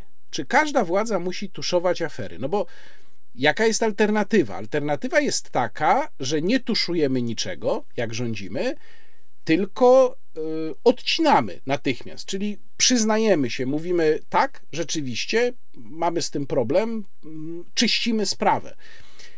Y, władza czasem to robi, chociaż mam wrażenie, nie tylko ta, poprzednia również, chociaż mam wrażenie, że robi to często już absolutnie pod przymusem i robi to w dużej mierze tylko, żeby się pokazać. To znaczy, to, to nie jest autentyczna chęć wyczyszczenia problemu, tylko chodzi o to, żeby pokazać widzom, publiczności, pokazać, że się ten problem, jakiś tam problem wyczyściło. Dlaczego tak robią? Mm, uważam, że przede wszystkim chodzi tutaj o utrzymanie lojalności aparatu partyjnego. Niestety, to jest w dużej mierze konsekwencja tego, jak ten aparat partyjny, jak y, system wyborczy, jak życie polityczne w Polsce wygląda, choć to też nie jest jakoś specjalnie unikatowe, bo przecież afery się kryje właściwie w całym demokratycznym świecie, a kryje się je właśnie też z tego powodu, moim zdaniem. To znaczy, jeżeli by się mm, za każdym razem y, włączało tryb autentycznego czyszczenia, to członkowie aparatu władzy, którzy są różni, mogliby przestać być wobec niej lojalni. No bo jednak ci członkowie aparatu władzy lubią mieć takie poczucie, że jakby co, to władza mnie będzie bronić, bo przecież ja tyle dla niej zrobiłem, tyle zrobiłem dla rządzących, że coś mi się należy. No, coś tam może zrobiłem nie tak, może jakąś kasę wziąłem, ale przecież nie dużą, prawda? No to jednak powinni mnie bronić. Więc myślę, że to jest główna przyczyna takiego, a nie innego postępowania, ale znów podkreślam, nie tylko Prawa i Sprawiedliwości, Platformy Obywatelskiej też, wszystkich właściwie poprzedników i właściwie podobnie się dzieje prawie w całym zachodnim świecie. Prawie, no bo są takie kraje, gdzie tolerancja na afery i skłonność do y, autentycznego czyszczenia są bardzo wysokie. No, to na przykład są kraje skandynawskie, ale to jest też specyfika skandynawskiej kultury politycznej. Y, pan Atkabar pyta, czy mógłby Pan bardziej szczegółowo omówić przyczyny konfliktu z Warsaw Enterprise Institute i Tomaszem Wrublewskim? Czemu zakończyła się współpraca z kanałem Świat Rolnika? Mm, na to drugie pytanie mogę odpowiedzieć, no to po prostu była decyzja właściciela, który miał inną koncepcję y, kanału, y, który w tej chwili jest mm, kanałem Instytutu Gospodarki Rolnej i prezentuje materiały właściwie wyłącznie dotyczące rolnictwa. Decyzja właściciela, myśmy się nie rozstali w jakichś złych relacjach, y, no miał do niej absolutne prawo. Natomiast jeżeli chodzi o Warsaw Enterprise Institute i Tomasza Wrublewskiego, y, sprawa się rozbiła o Ukrainę. Ja dobrze pamiętam ten moment. Y, pierwszym materiałem, czy pierwszym powodem do sporu był mój materiał na temat Marcina Roli i tego, jak Janusz Cieszyński zajmujący się cyfryzacją w kancelarii premiera, napisał, że pora wywalić Marcina Rolę z Twittera. Napisał takiego tweeta i to było w momencie rozpoczęcia wojny na Ukrainie. ja wtedy napisałem tekst o tym, że e, poglądy Marcina Roli na kwestię ukraińską są mi e, bardzo są dalekie od moich. E, no ale to nie znaczy, że nie mam się ująć e, za wolnością słowa w momencie, kiedy minister polskiego rządu chce cenzurować za poglądy i apeluje o to do Twittera. I ten tekst został zdjęty. On chwilę powisiał i potem został zdjęty za sprawą interwencji Tomasza Wrublewskiego, i to był początek tego rozdźwięku. Mm, okazało się potem, że e, no, moje poglądy e, na wojnę na Ukrainie nie są do zaakceptowania. E, potem się zaczęły różne nieprzyjemne przytyki ze strony Cezarego Kaźmierczaka i też niestety ze strony Tomasza Wrublewskiego. No, okazało się, krótko mówiąc, że mm, E, tamto środowisko nie jest w stanie zaakceptować tego, że o wojnie na Ukrainie można debatować, że można mieć inny pogląd. E, to znaczy, ja oczywiście uważam, że oni mają prawo kształtować linię swojego przedsięwzięcia tak jak chcą, natomiast no, problem polega na tym, że niestety zaczęły się tam pojawiać um, aluzje i stwierdzenia um, sugerujące podążanie na pasku rosyjskiej propagandy, czyli takie najbardziej trollowate właśnie i, i, głupie stwierdzenia, dążące do ograniczenia debaty publicznej już w, bardziej generalnie, nie tylko na stronach Warsaw Enterprise Institute. Więc no niestety dla mnie to była taka dosyć bolesna weryfikacja środowiska, które uważałem za mm, bardzo wolnościowe.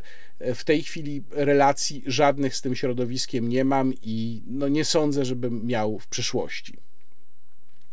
Pan Krzysztof Szechtel pyta, czy zgodzi się pan z taką tezą, lockdown w Europie przyczynił się do wybuchu wojny na Ukrainie. Bardzo ciekawa teza, i myślę, że w jakiejś mierze bym się z tym zgodził. To znaczy, pamiętam, że kiedy analizowaliśmy ja również analizowałem, mówię, ale analizowaliśmy, bo to też były moje analizy wspólnie z Antonim Dudkiem, czy ta wojna wybuchnie, czego prawie nikt się nie spodziewał zresztą wtedy, to e, w tych analizach pojawiało się często takie stwierdzenie, że właśnie lockdown, no bardziej może generalnie pandemia, ale lockdown, e, który za nią poszedł, a który bardzo gospodarczo osłabił Europę i naraził ją dużo bardziej na ciosy, również gospodarcze, y, stworzył okazję, którą Putin musiał wykorzystać w odpowiednim oknie czasowym, zanim Europa się zregeneruje. Więc w tym sensie tak, można, myślę, że można bronić takiej tezy. Oczywiście my nie mamy dostępu do wewnętrznych dyskusji na Kremlu, nie wiemy, czy tam ten argument padał. Myślę, że on musiał się przynajmniej przewijać, no bo jednak. Yy, Rosjanie y, to nie są idioci, prawda? Oni planowali y, te operacje, biorąc pod uwagę różne kwestie. No nie wzięli akurat pod uwagę sprawności własnej armii, to też prawda, ale myślę, że stan sytuacji, y, stan gospodarki sytuację w Europie brali pod uwagę, więc brali pod uwagę również to. Więc tak, myślę, że może pan mieć tutaj rację, to jest bardzo ciekawy problem. Mam nadzieję, że kiedyś w jakichś książkach, kiedy być może możliwe będzie dotarcie do jakichś dobrych źródeł dotyczących tego, jak Rosjanie decydowali o tym, na jakiej podstawie ta decyzja została podjęta, że wtedy mm, również ten wątek się pojawi i będzie wyjaśniony. Pan Epik. Zauważyłem, że robi pan mrówczą robotę, której inni dziennikarze się boją, na przykład 300 stron KPO różne gnioty prawne, pan po prostu bierze się za czytanie i analizę. Pytanie, jak pana zdrowie psychiczne po wnikliwym czytaniu tych wszystkich bzdur. Nikt się tego nie chce podjąć z tego, co zauważyłem. Nie idzie od tego zwariować. Są dziennikarze, którzy też analizują źródła, choć faktycznie jest ich mniejszość. Ja się staram do źródeł prawie zawsze docierać, przede wszystkim jeżeli mówimy o aktach prawnych, no to nie jest tak, że przeczytałem 300 stron KPO, tam nie ma zresztą 300 stron, jest 300 mm, warunków. Mówię o aneksie teraz, bo y, te warunki i kamienie milowe są zawarte w aneksie. Jak powiadam w poprzednim y, wideoblogu, macie Państwo w opisie filmu link do polskiej wersji aneksu. Natomiast powiem panu, co jest najtrudniejsze. To nie, nie, nie chodzi o to, że idzie od tego zwariować. Natomiast rzeczywiście jest tak, że ja czasem poświęcam nawet kilka godzin na zrozumienie aktu prawnego. Dlaczego? E, dlatego, że w Polsce system pisania aktów prawnych, zwłaszcza jeżeli to są nowelizacje, jest bardzo nieczytelny. I ja się od dawna zastanawiam, to jest jedna z rzeczy, które y, gdyby to ode mnie zależało, to bym zreformował.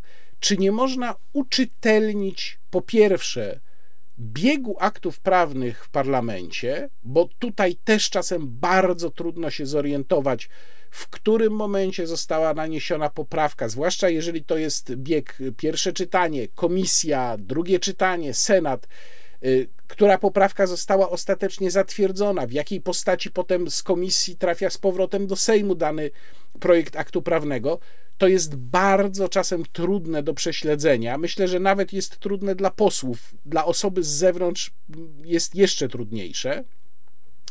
E, a do tego jeszcze, jeżeli mamy akt, który nie jest od początku napisanym aktem prawnym, jednolitym aktem prawnym ogłoszonym na podstawie e, e, zarządzenia marszałka Sejmu, tylko jest nowelizacją, to na ogół jest tak, że trzeba czytać tę nowelizację łącznie z poprzednią wersją, no bo w nowelizacji zamiast mieć całe gotowe fragmenty, to mamy sformułowania typu w artykule 158 e, mm, ustęp 3 punkt 4a zamiast słów y, i mm, dotyczy, wstawia się słowa nie dotyczy. No to są tego typu rzeczy, czyli ten drugi akt prawny trzeba mieć przed sobą, dokładnie śledzić, gdzie, o co tam chodzi i co się zmienia. Jak Państwo spojrzą chociażby na moje omówienie y, ustawy sądowej, tej proponowanej y, wraz z Komisją Europejską przez pana ministra Szynkowskiego-Welsenka i tak zawzięcie promowanej w ostatnich dniach przez Mateusza Morawieckiego, to też nawiasem mówiąc ciekawa sprawa, no to dokładnie tak to musiało wyglądać. Ja musiałem wziąć y, odpowiednie ustawy, na przykład ustawę o ustroju sądów powszechnych i prześledzić dokładnie, co się zmieniło tu czy tu, bo nie chcę polegać na omówieniach, które robią inni dziennikarze. Chcę Państwu pokazać dokładnie to, co sam stwierdzę i co sam wyczytam z tych aktów prawnych, więc to jest rzeczywiście mrówcza praca, od której naprawdę czasami może rozboleć głowa. Pan Beskid pyta, Dlaczego partia rządząca nie chce natychmiast zdymisjonować szefa policji po tak haniebnym wydarzeniu, chociaż 80% ludzi według sondażu chce tego? Dlaczego bronią czegoś, co jest nie do obronienia?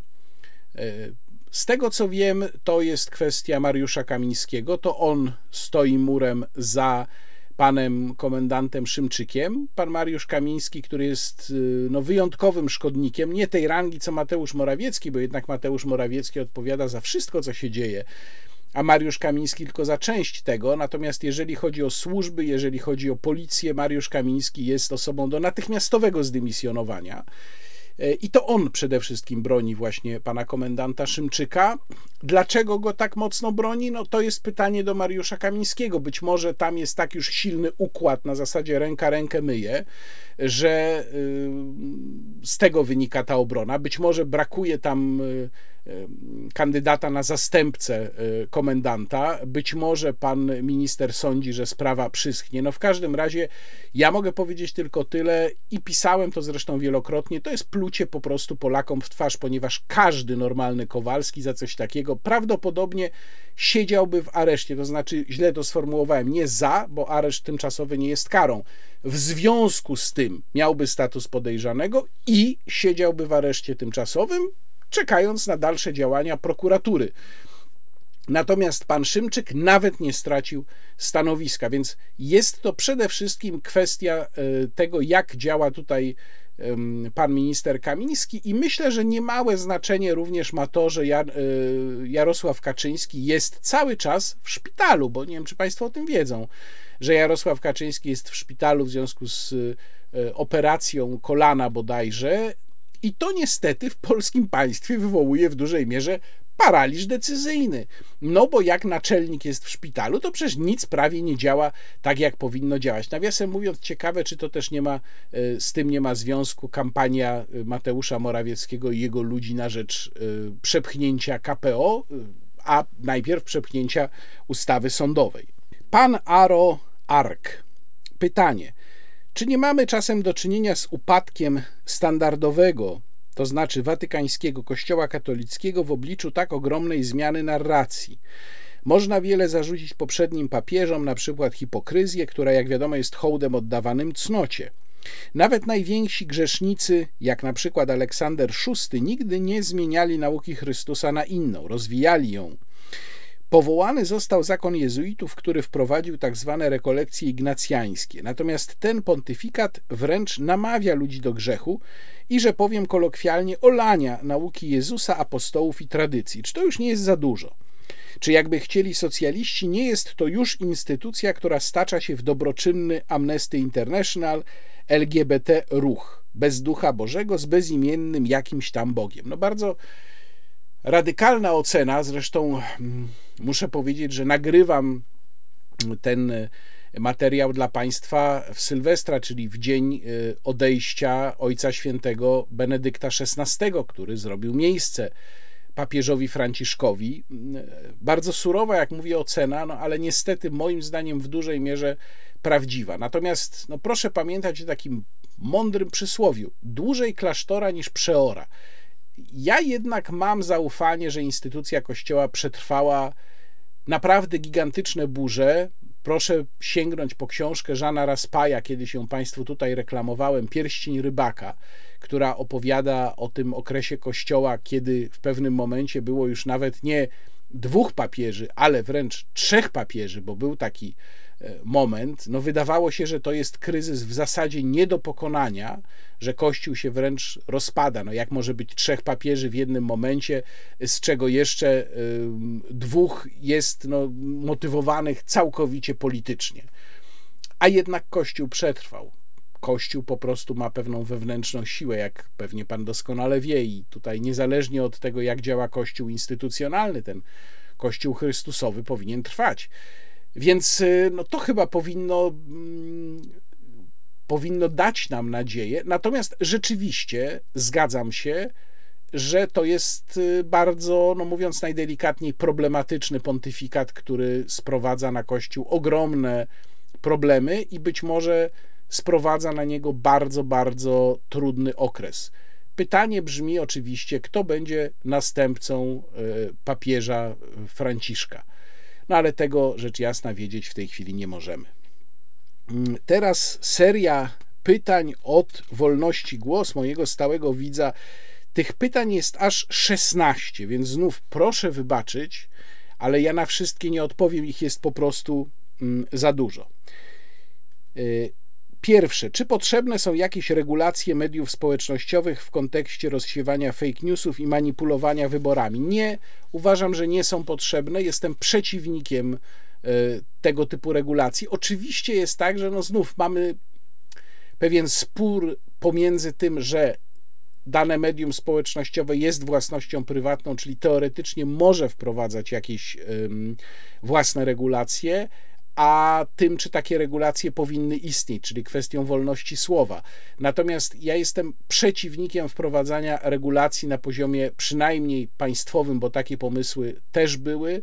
Uważam, że ludzi należy uczyć odróżniania fałszywek od informacji prawdziwych, natomiast y, jedyną granicą, jaka powinna być, jeżeli chodzi o to, co się w mediach społecznościowych pojawia, powinien być kodeks karny ze zdefiniowanymi tam przestępstwami.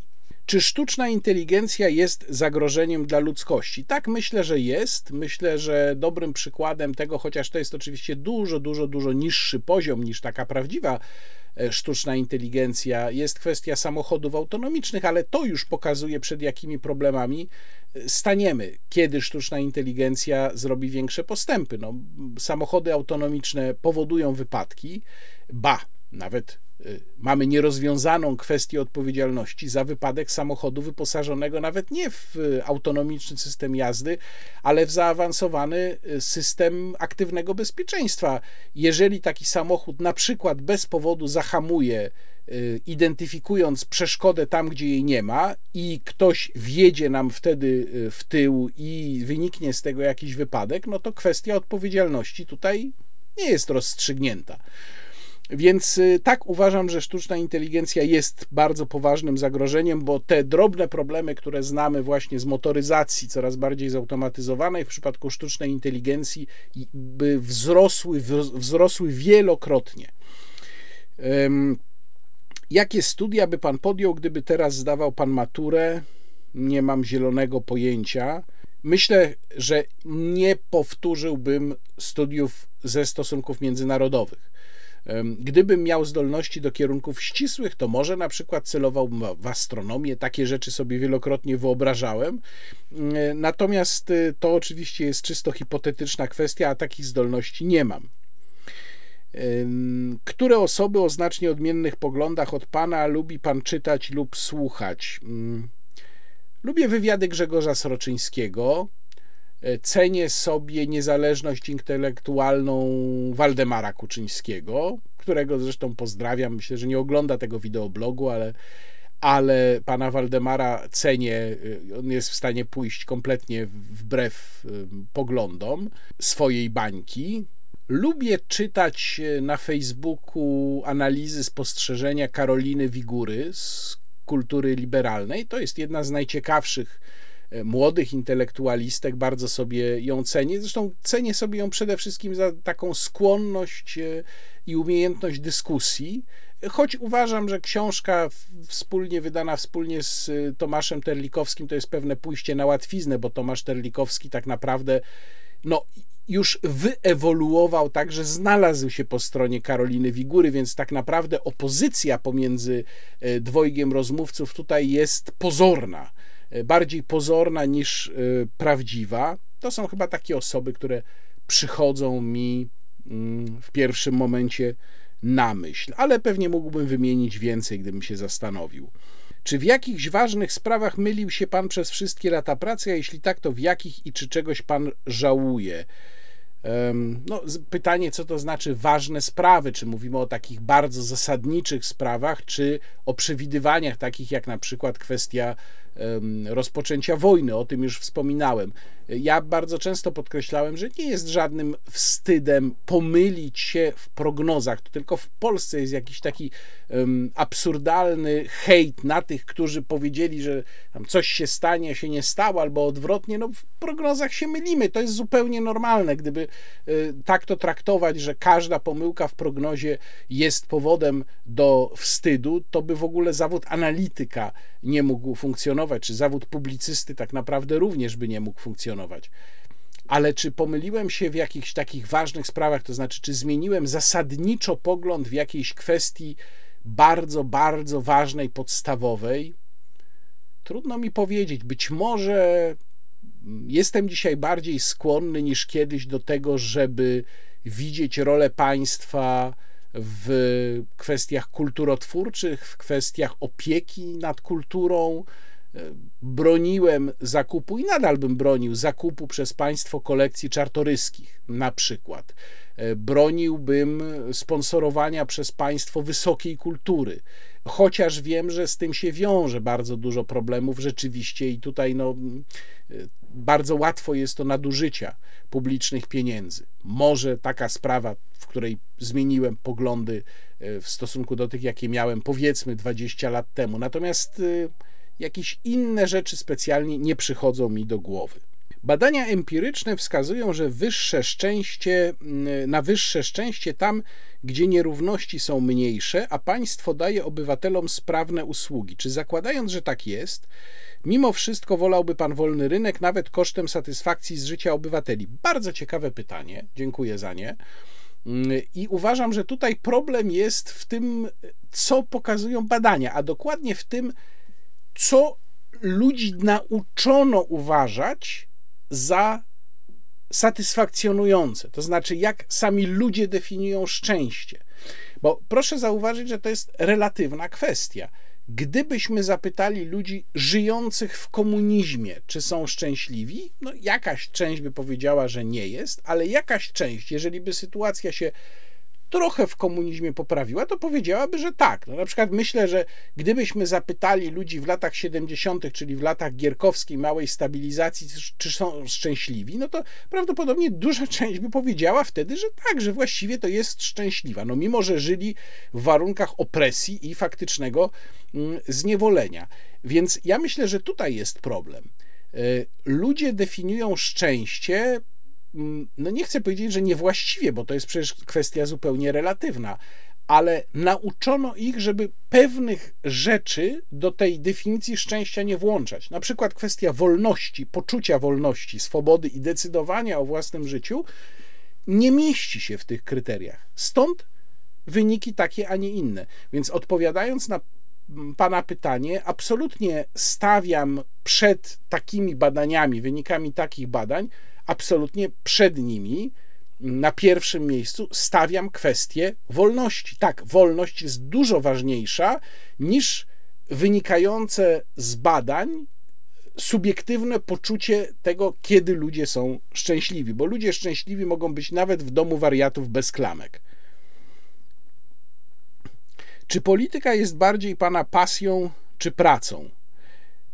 Czasem jest pasją. No, pasją jest, bo ja myślę o tym, że chciałbym jednak zmieniać rzeczywistość jako publicysta na lepszą. Czasem jest pracą, bo też powiedzmy sobie szczerze, no nie zawsze się chce, nie zawsze jest pomysł na tekst czy na materiał. Czasem naprawdę się trzeba nagłówkować i wtedy no to jest taka uciążliwa praca, jak to zwykle bywa, ale i wtedy to jest trochę uciążliwa praca, jak to czasem z każdą pracą bywa, ale ogólnie rzecz biorąc, moja praca, bo może polityka to jest źle powiedziane, ale komentowanie, analizowanie polityki, pokazywanie różnych zależności, czasem takich, które nie od razu widać, to jest bardziej jednak moja pasja. To się bierze z wnętrza, a nie jest to zwykła robota taka rzemieślnicza, mm, uciążliwa, upierdliwa i sprawiająca przykrość. Jakie popularne opinie na temat pana lub pana pracy uważa pan za najbardziej niesprawiedliwe lub błędne? Ho! O, tutaj mógłbym naprawdę długo, długo mówić. Myślę, że jedna z takich opinii, które mnie szczególnie irytują, to jest co pan mówił kiedy? To wygłaszają ludzie, którzy nie znają, nie pamiętają, nie czytali nigdy mojej publicystyki, na przykład sprzed 2015 roku. Inna taka opinia to jest ta, że byłem wielbicielem Prawa i Sprawiedliwości i ja spowodowałem między innymi, że PiS wygrało wybory. Ja byłem przede wszystkim krytykiem Platformy Obywatelskiej. Wielbicielem PiSu nigdy nie byłem, bo zdawałem sobie sprawę z tego, jakie wady ma ta partia i jakie poglądy ma Jarosław Kaczyński, choć przyznaję, że w najśmielszych snach nie sądziłem, że to zajdzie tak daleko, jak zaszło. To jest zupełnie inna sprawa. Ale kiedy ktoś mi imputuje, że ja wielbiłem PiS, a bardzo często takie opinie spotykam, no to po prostu piszę e, bzdury. Mm, kolejna sprawa to są jakieś sugestie, że coś robię, bo ktoś mi płaci i że moje poglądy albo moje teksty powstają na czyjeś zamówienie. Nie.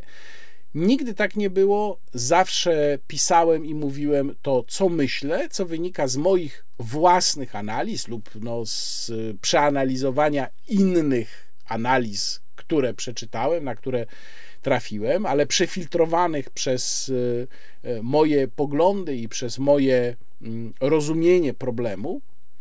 E, natomiast nigdy nie było tak, że ktoś mógł e, powiedzieć: Słuchaj, zapłacę ci, zapłacimy ci tyle i tyle, napisz to i to. No to jest tego typu sugestie są po prostu dla mnie obraźliwe i mam taką zasadę, że zawsze, jeżeli ktoś coś takiego sugeruje, to po prostu zostaje zablokowany w medium, gdzie coś takiego sugeruje. Tutaj nawiązując zresztą do. Mm, e, poprzedniego pytania o, o tło, przebieg mojego konfliktu z Warsaw Enterprise Institute i Tomaszem Wróblewskim, muszę z dużą przykrością stwierdzić, że Tomasz Wróblewski się też do takich sugestii, delikatnych, ale jednak posunął w pewnym momencie, co no, uważam już zdecydowanie za e, zagranie poniżej e, jego poziomu. No przynajmniej tak sądziłem, że to jest, że to powinno być poniżej jego poziomu. Jakie jest Pana zdanie, to wciąż wolności głos na temat prywatnych znajomości polityków z dziennikarzami, czy dziennikarz powinien zapraszać polityków na prywatne imprezy jak Robert Mazurek. Moje zdanie jest takie, że dziennikarze znają prywatnie polityków. Ja sam znam prywatnie polityków sprzed wielu lat. No, znam na przykład i jestem od lat po imieniu, znam z czasów studiów Pawła Kowala, znam Konrada Szymańskiego, to wszystko są znajomości wywodzące się z dawnych czasów, natomiast to nigdy nie przeszkadzało mi w wyrażaniu krytycznych opinii. Na przykład o obecnej działalności Pawła Kowala mam niesamowicie krytyczną opinię i no nie da się, jak się jest długo w tym środowisku, to nie da się nie znać prywatnie polityków. Zresztą często jest rzeczywiście tak, że mm, znamy kogoś zanim on wejdzie do polityki, i później ten ktoś wchodzi do polityki, czasem na eksponowane stanowisko. No to przecież nie wyrzekniemy się tej znajomości. Natomiast czy powinniśmy je utrzymywać mm, w taki sposób, jak to zrobił Robert Mazurek ze swoją słynną imprezą, no tu nie jestem pewien. To znaczy, to też y, mówiąc sprawiedliwie, trudno jest tutaj wyznaczyć jakąś granicę. Ja bym miał takie y, ostrą granicę. Ja bym miał takie poczucie, że jeżeli polityk mnie by zapraszał jako swojego prywatnego znajomego na swoją prywatną imprezę i byłby to polityk, którego znam prywatnie, czyli znam go od lat i najpierw był moim znajomym, prywatnym znajomym, a potem został politykiem, to pewnie bym poszedł, no bo to jest zaproszenie dla znajomego. Co nie znaczy oczywiście, że tam bym jakichś dealów dokonywał na takim spotkaniu. Natomiast sytuacja, w której dziennikarz robi imprezę dla polityków sam, wydaje mi się jednak przekroczeniem tej granicy. Ale tak jak mówię, no tutaj bardzo trudno jest jednak w tym mimo wszystko mocno zazębiającym się świecie, gdzie wszyscy się znają ze wszystkimi, wyznaczyć jakąś bardzo, bardzo czytelną, jasną granicę. Myślę, że to każdy po prostu musi mm, wyczuć sam, a też w dużej mierze ocena zależy od państwa, czyli od odbiorców. E, teraz już pytania, pytanie pana Barta. W jednym z poprzednich pytań i odpowiedzi, sesji pytań i odpowiedzi, w jednej z poprzednich sesji pytań i odpowiedzi na pytanie o porównanie obecnych rządów do poprzednich powiedział pan, że jest pan bardzo krytyczny w stosunku do obecnego rządu, ale jednak poprzedni ocenia pan gorzej. Czy podtrzymuje pan to zdanie, czy może jednak już PiS w pana rankingu dogonił PO w tym względzie? Mm, pytam, bo przyznam, że zdziwiła mnie wtedy ta odpowiedź, choćby dlatego, że nie pamiętam pana aż tak alergicznych odruchów na wypowiedzi przedstawicieli tamtej władzy, jak teraz na wypowiedzi Morawieckiego, Kaczyńskiego, Semeniuk et consortes. No ale to może dlatego, że wtedy nie miał pan swojego kanału, a taką przyjął pan tu formułę stylistykę. Ewentualnie drugie wyjaśnienie, że starał się pan tu jakoś salomonowo odpowiedzieć, ale jednak na końcu mowa ciała pana zdradza. Bardzo dziękuję za to pytanie, bardzo ważne. Myślę, że pana diagnoza też jest słuszna, to znaczy rzeczywiście takiego środka komunikacji, wyrazu specyficznego, jakim są moje wideoblogi, wtedy nie było, bo przecież one powstały, zaczęły się ukazywać e, wiosną 2020 roku. No to niedługo już będą 3 lata. E, więc rzeczywiście to jest specyficzny środek, gdzie ja mogę manipulować różnymi materiałami, e, mogę je Państwu pokazywać, mogę robić skróty, mogę dodawać swoje złośliwe komentarze w postaci wstawek filmowych i rzeczywiście wtedy za Platformy Obywatelskiej tego nie było. Natomiast gdyby pan sięgnął do moich tekstów, no to musiałby pan przede wszystkim znaleźć teksty z faktu, bo ja tam wtedy um, pracowałem przez większość rządów Platformy Obywatelskiej, to myślę, żeby pan jednak zmienił y, zdanie co do tego, jaki miałem stosunek do tamtej władzy. Natomiast gdyby wziąć punkt wyjścia, czyli gdyby wziąć obietnice, gdyby wziąć deklarowane wartości, gdyby wziąć zapowiedzi i to, w jakim stanie Polska jest dzisiaj, to myślę, że dzisiaj już bym powiedział, że jednak e, PiS jest gorszy niż Platforma. E, nawet jest gorszy z punktu widzenia tego, co obiektywnie robi z Polską, niezależnie od tego punktu wyjścia, z prostego powodu. Platforma odznaczała się w dużej mierze niemocą. To znaczy, to była partia, która której się nie chciało, która niewiele była w stanie zrobić, to było w dużej mierze puszczone na żywioł.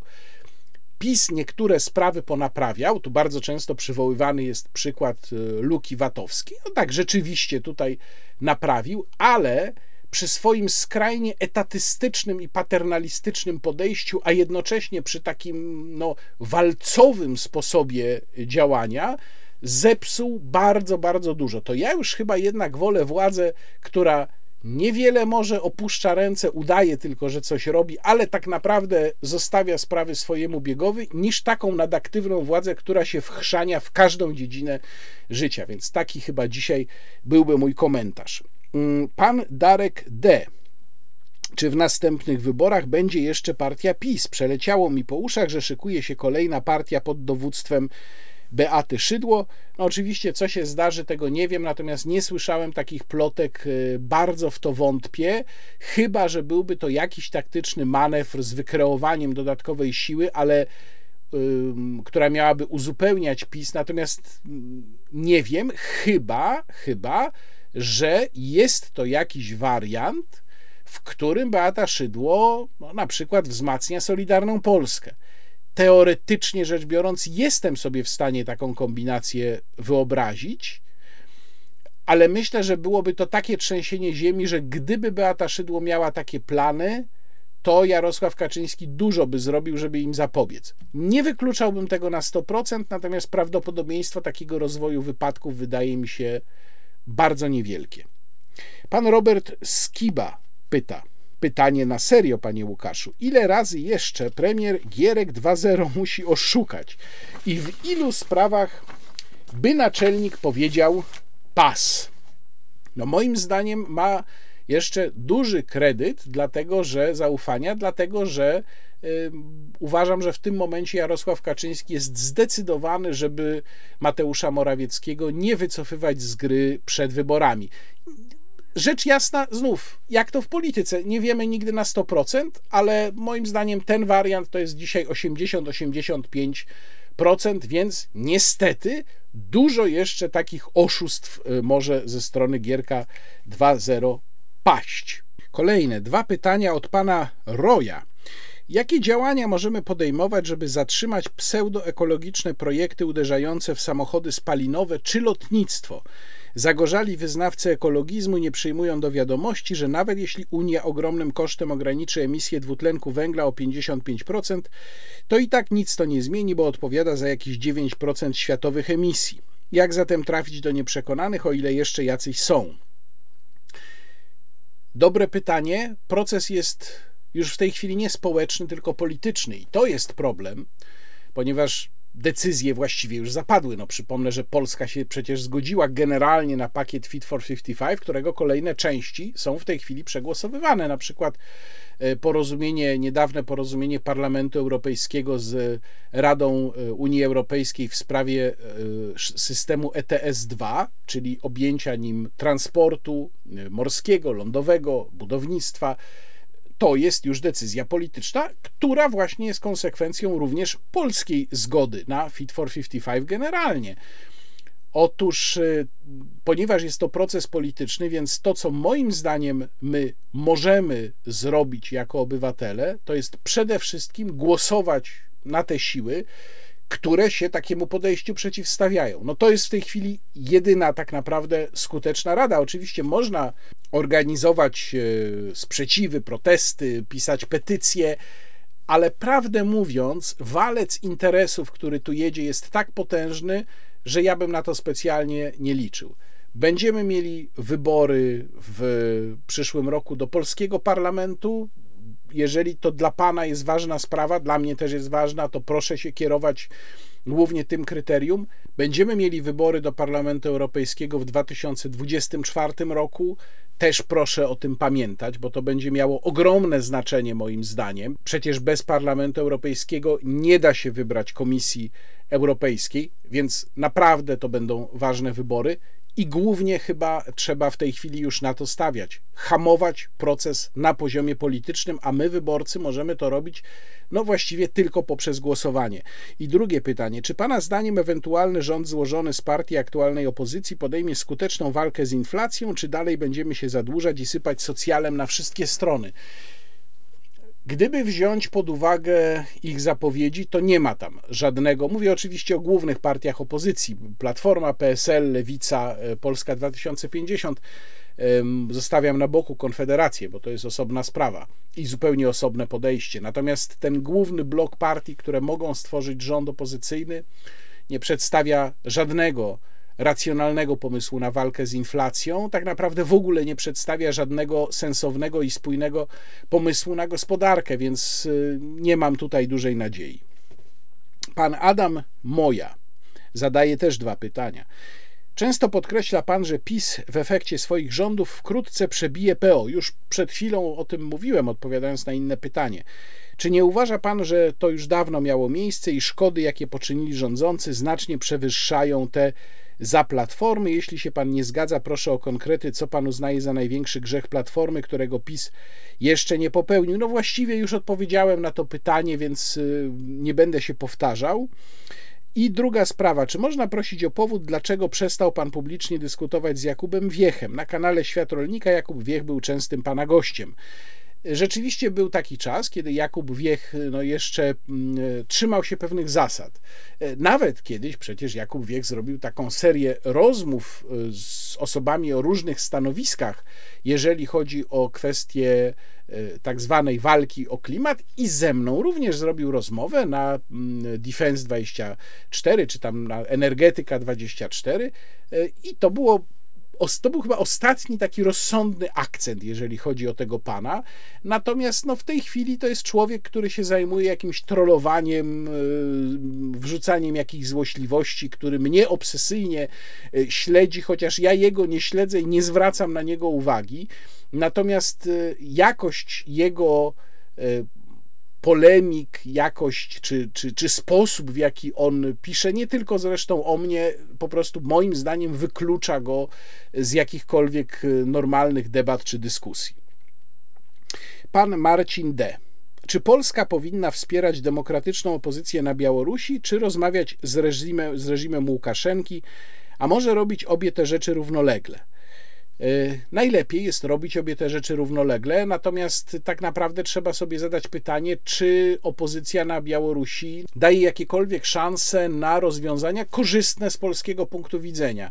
W tej chwili, w obecnej sytuacji, ja takich szans nie widzę. Tak naprawdę zresztą, gdyby spojrzeć na to, co się dzieje na Białorusi, od 24 lutego, to można odnieść wrażenie, choć rzecz jasna to jest tylko wynik obserwacji z zewnątrz, bo o tym, co się dzieje na zapleczu, my bardzo mało wiemy, ale można odnieść wrażenie, że wręcz Aleksandr Łukaszenka no, stawia opór cały czas naciskom Władimira Putina na to, żeby bardziej zaangażować Białoruś w wojnę, czyli z polskiego punktu widzenia, no to Aleksandr Łukaszenka w pewnym sensie broni naszej racji stanu, jeżeli można tak powiedzieć.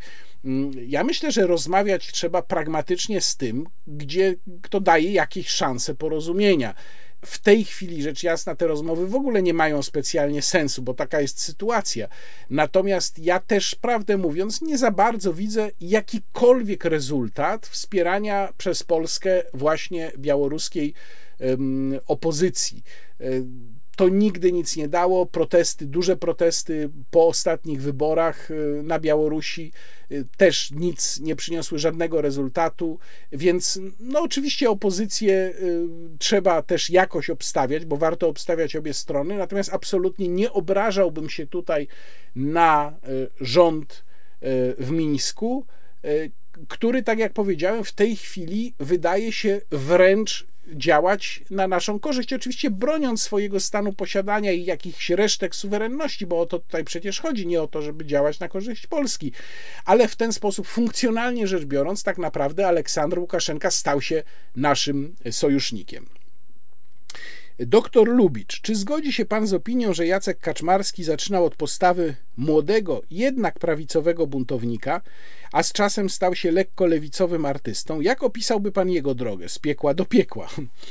E, to cytat oczywiście z piosenki Kaczmarskiego. wie pan, myślę, że kiedyś bym tak o nim pomyślał, natomiast lepiej poznawszy jego twórczość, Myślę, że to nie jest jednak takie proste. To znaczy, myślę, że ta lewicowość Kaczmarskiego w dużej mierze wynikła jednak z bardzo schematycznego myślenia. Proszę zwrócić uwagę, że to twierdzenie o lewicowości Kaczmarskiego opierało się w dużej mierze na jego podejściu do polskiej historii, polskiej tradycji, takim bardziej stańczykowskim, gombrowiczowskim, ale czy można powiedzieć, że to jest podejście lewicowe? To raczej była bardzo schematyczna interpretacja, trochę według tego schematu, na którym opierał się y, słynny wspólny koncert Jacka Kowalskiego i Jacka Kaczmarskiego z lat 90., dwie sarmacje zarejestrowany w TVP Poznań, no bo tam panowie się podzielili rolami, to znaczy Jacek Kowalski bronił właśnie sarmacji polskiej tradycji, Jacek Kaczmarski sobie z niej kpił, ale to była pewna zabawa, to znaczy tam nikt tego nie traktował poważnie, nikt nie podchodził do tego tak, a, już na pewno sami wykonawcy, że Jacek Kowalski to prawicowiec, a Jacek Kaczmarski skrajny lewicowiec. Więc myślę, że to jest zdecydowanie zbyt daleko idące uproszczenie. Na pewno Jacek Kaczmarski nie był mm, człowiekiem o poglądach skrajnie konserwatywnych. Natomiast ja myślę, że on był w ogóle zjawiskiem sui generis i nie podpisałbym się pod taką tezą, już dzisiaj bym się nie podpisał pod taką tezą, że był, że został po prostu e, e, lewicowcem. Natomiast rzeczywiście, jak się też prześledzi jego starsze piosenki, no to naprawdę. Um, Niektóre z nich, takie jak wspomniany przeze mnie już wcześniej w tej sesji pytań i odpowiedzi, Marsz Intelektualistów, e, no są takie, powiedziałbym, mocno opozycyjne e, i, i bardzo mocno akcentują sprzeciw e, wobec komuny. Albo inna taka piosenka, Carmaniola. Nie wiem, czy Państwo znają, proszę poszukać Carmaniola, Jacek Kaczmarski, no piosenka sprzeciwu wobec podejścia komunistów do rewolucji y, solidarnościowej. Bardzo zresztą świetnie napisana, znakomity tekst, a y, melodia właśnie Carmagnoli, czyli rewolucyjnej pieśni y, francuskiej. Drugie pytanie, nadal wokół Kaczmarskiego. Czy choć odrobinę stracił Kaczmarski w pańskich oczach ze względu na przemoc, jakiej dopuszczał się wobec żony i córki, czy może jednak całkowicie oddziela pan artystę od człowieka? Mm, myślę, że trzeba to mimo wszystko oddzielać. Kaczmarski nie popełnił tutaj hipokryzji, jakkolwiek by to brzmiało, bo on nie przedstawiał się nigdy w swoich tekstach, on nie przedstawiał się nigdy w wywiadach jako człowiek cnoty, człowiek rodziny, człowiek konserwatywnych wartości, więc mam wrażenie, że tutaj się, no nie, jakkolwiek by to brzmiało, nie sprzeniewierzył się swoim deklaracjom. Natomiast to jest bardzo częste zjawisko, że odrywa się dzieło od człowieka. No przecież jak spojrzymy na życiorysy naszych największych artystów, no ja często się odwoływałem e, do e, epizodu, kiedy to Adam Mickiewicz e, bardzo próbował dojechać do, na powstanie listopadowe i wziąć w nim udział. No tylko e, tak się między innymi złożyło, że zatrzymał się e, nasz wielki poeta, prawda, piewca narodowych mm, e, cnót i narodowego charakteru, zatrzymał się w wielkopolskim Budziszewku, gdzie po prostu miał romans z mężatką, Konstancją Łubieńską. No, tutaj powstanie, tutaj, zresztą Kaczmarski o tym przecież świetną piosenkę właśnie napisał tutaj e, powstanie, tutaj e, giną powstańcy, prawda, powstanie listopadowe dogorywa, a tam Mickiewicz z Konstancją Łubieńską, prawda, i to pod okiem jej męża. No, takie rzeczy się po prostu zdarzają, więc e, tak, ja się jednak staram oddzielać dzieło od życia człowieka. Życie człowieka można oceniać krytycznie, ale mówię, w tym wypadku o tyle mniej krytycznie, że Kaczmarski nie posunął się do hipokryzji. No i wreszcie, kogo poleca Pan na polskiej scenie poezji śpiewanej z obecnych artystów? Ja specjalnie poezji śpiewanej nie słucham, więc właściwie nikogo nie polecam, ale niezmiennie polecam Jacka Kowalskiego.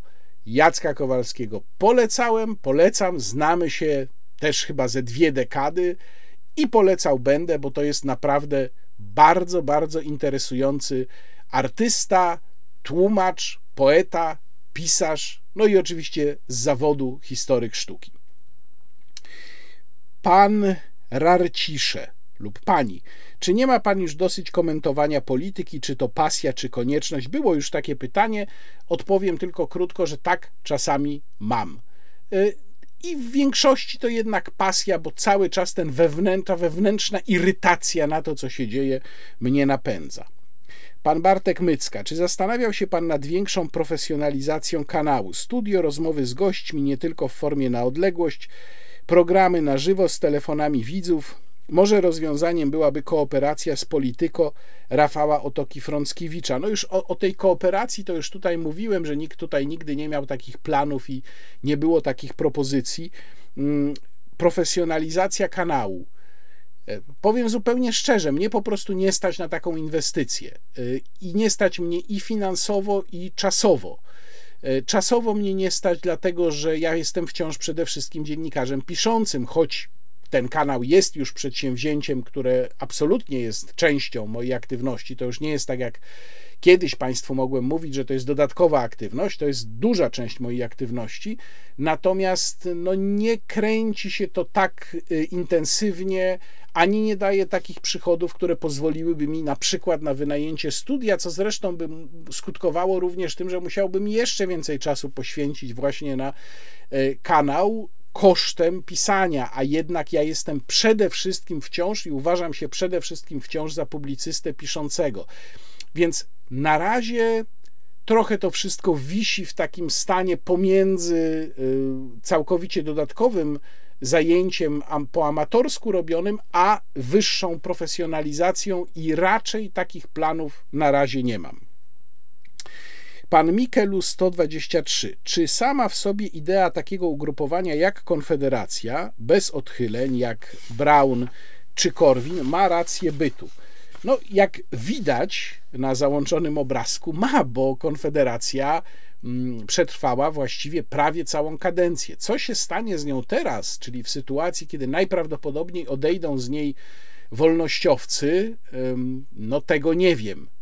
I tutaj myślę, że politycy Konfederacji mają powody, żeby się obawiać, jak, jakie będą skutki takiego ewentualnego i bardzo prawdopodobnego rozpadu. Ale jak się okazuje, y, można połączyć nurty w dużej mierze odmienne, jeżeli jednocześnie jest jakiś, jakieś spoiwo, które je łączy. No tutaj myślę, że tym spoiwem w dużej mierze jest antysystemowość i to, że Konfederacja generalnie rzecz biorąc idzie pod prąd, y, ma łatwo w tym sensie, że w sprawach takich bardzo zasadniczych, czyli epidemia, wojna na Ukrainie, y, główna, główny nurt opozycji i rządzący grają do jednej bramki, tylko się ścigają, kto wbije więcej, więcej goli. Gdyby ten układ polityczny był bardziej mm, zróżnicowany, to pewnie i Konfederacja miałaby trudniej pan lub fa, pani 3D e, Fan and Fan. Panie redaktorze, pan Grzegorz, przepraszam, bo podpisał się, czyli pan Grzegorz. Panie redaktorze, chciałbym zapytać o pana zdanie na temat poglądów profesora Dudka dotyczących paszportów covidowych oraz dotyczących przymusu szczepień. Często nazywał pan redaktor takie poglądy zamordystycznymi. Jednocześnie uważam, że program z panem profesorem jest bardzo miałki i od pewnego czasu nie potrafię przebrnąć kilku minut. No cóż, ma pan prawo do takiej opinii. Y, ja się z Antonim dobrze dogaduję. Ten program, między innymi, dlatego moim zdaniem jest ciekawy, że są właśnie różnice pomiędzy naszymi poglądami, o których my zresztą świetnie wiemy, no ale jesteśmy w stanie ze sobą rozmawiać, więc też, no, jeżeli ktoś pisze, na przykład takie często są komentarze, że tak bardzo zraża go to, że Antoni Dudek mówi w Ukrainie ja nie mówię, jak Państwo wiedzą, w Ukrainie, mówię na Ukrainie i zawsze tak mówiłem i zawsze tak będę mówił, ale czy to naprawdę jest powód, żeby nie oglądać y, dyskusji, skreślać całą dyskusję, y, w której te nasze odmienne poglądy na różne sprawy, a na niektóre podobne, mm, albo się ścierają, albo się uzupełniają? Ja nie mam z tym problemu. Pytania od pana Pawła W. Jaka jest pana aktualna ocena nowelizacji o pierwszeństwie pieszych. Ta sprawa wydaje się zaginać czasoprzestrzeń. Wszystkie strony twierdzą, że miały rację co do liczby ofiar. Ewentualnie nie zagina, tylko ktoś mówi nieprawdę. A może liczba ofiar to w ogóle nie istota tego problemu? No moje zdanie tutaj się nie zmieniło. Ja uważam, że y, ta nowelizacja była absolutnie bezsensowna i zrobiła bardzo dużo złego. Gdyby to ode mnie zależało, to przywróciłbym tutaj stan poprzedni z wielu powodów, które wielokrotnie wyjaśniałem. Nie jest moim zdaniem rozwiązaniem, bo to jest główny, jak się wydaje, sens tej nowelizacji, który teraz widać, to żeby a priori uznawać kierowcę zawsze za winnego, a do tego tak naprawdę się to sprowadza. W wideoblogach wita się pan naturalnie, a w salonikach politycznych często bardzo poważnym tonem, z czego wynika różnica. Nie wiem, czy tu jest jakaś różnica. Trochę mnie pan zdziwił tym spostrzeżeniem, natomiast no, mogę powiedzieć tyle, że wideoblog to jest przecież po prostu inna forma. Czy nadal jest pan klimatycznym agnostykiem? Na Twitterze na przykład podaje pan najbardziej materiały podważające główną linię czyli jednak jakby pan jeden z poglądów preferował. Skupiamy się tu bardziej na samym istnieniu zjawiska antropogenicznego globcia, a nie na kosztach dla gospodarki. Hmm. Tak, ja bym powiedział, że jestem agnostykiem w tym sensie, że nie uważam, e, e, żeby e, hipoteza o antropogenicznej naturze ocieplenia klimatu była czymś więcej niż właśnie hipotezą, a budowanie konstrukcji, schematów, systemu niosącego ze sobą bardzo wielkie koszty na podstawie hipotezy, która jest niepewna, ma bardzo dużo wad i luk, uważam za skrajnie nierozsądne. Natomiast dlaczego y, przede wszystkim podważam y, ten główny nurt? No bo on właśnie jest głównym nurtem, a za tym głównym nurtem idą bardzo konkretne koszty. Dlatego y, bije głównie w tę stronę. I ostatnie z pytań pana Pawła W. Zna pan zapewne angielski? No tak, znam, jak już wspominałem, zacząłem się uczyć angielskiego w pierwszej klasie szkoły podstawowej. A jakieś inne języki obce? Tak, znam jeszcze francuski, y, no gorzej niż angielski, dlatego że uczyłem się go krócej. Miałem bardzo dobrą e, pierwszą nauczycielkę francuskiego w liceum, gdzie mogliśmy wybrać, to była klasa autorska, mogliśmy wybrać poza angielskim, który był w y, wymiarze zwiększonym, 5 godzin w tygodniu, mogliśmy wybrać jakiś drugi, nie jakiś, tylko jeden z dwóch drugich języków, francuski lub niemiecki, też w wymiarze 5 godzin tygodniowo. Taki był program autorski tej klasy. I ja wybrałem francuski e, i czy żałuję? Żałuję, że nie poznałem nigdy niemieckiego. Rzeczywiście chciałbym mówić po niemiecku, no mój niemiecki to jest raczej takie podstawowe, rozpozna, podstawowe rozumienie na bardzo podstawowym poziomie i brak umiejętności mówienia, choć bardzo bym chciał. Natomiast z francuskim, no to jest tak, że jak gdzieś jadę do francuskojęzycznego kraju, to się dogadam, jestem w stanie przeczytać mm, powiedzmy średnio trudny tekst po francusku jestem w stanie rozmawiać na podstawowym poziomie.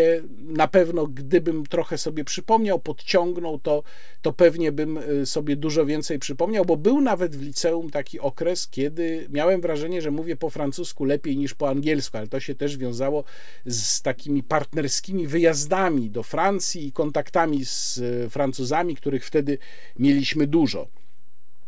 Y, pytanie od pana LM. Panie redaktorze, co pan myśli o obecnym kształcie stosunków państwo-kościół w kontekście oczywistego zblatowania kolejnych ekip rządzących z hierarchią kościelną, co przez lata przekładało się na różnorakie zmiany legislacyjne i przepływy finansowe, jednocześnie znaczącym realnym odpływie młodych ludzi z kościoła, braku chęci episkopatu do współpracy przy rozwiązywaniu spraw nadużyć seksualnych itd. Tak Czy konkordat nie powinien być rozwiązany lub przynajmniej renegocjowany, by rozluźnić więzi Kościoła z państwem, skoro społeczeństwo samo głosuje za tym nogami, na których do Kościoła regularnie uczęszcza już mniej niż jego połowa?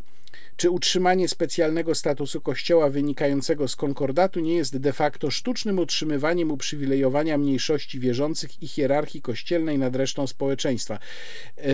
No, nie jest tak, że większość jest niewierząca. E, to wynika po prostu ze statystyk. Co innego praktykowanie, a co innego deklaracja przynależności do Kościoła. Mm, więc nie, ja nie jestem absolutnie zwolennikiem rozwiązywania, wypowiadania konkordatu. Uważam, że Polska tradycyjnie jest państwem katolickim po prostu, chociaż jestem wielkim zwolennikiem, wielbicielem tego okresu, kiedy mm, w XVI przede wszystkim wieku y, bardzo dużo wnosili do polskiego życia politycznego innowiercy. No, przepraszam, przypomnę chociażby, że Mikołaj Rej przecież był lutrem, prawda? Więc to jest, to, to samo w sobie wystarczająco wiele mówi o tym, jak y, ważne to było dla polskiej kultury. Natomiast y, nie, konkordat absolutnie powinien zostać, ale to nie znaczy, że problemu nie ma.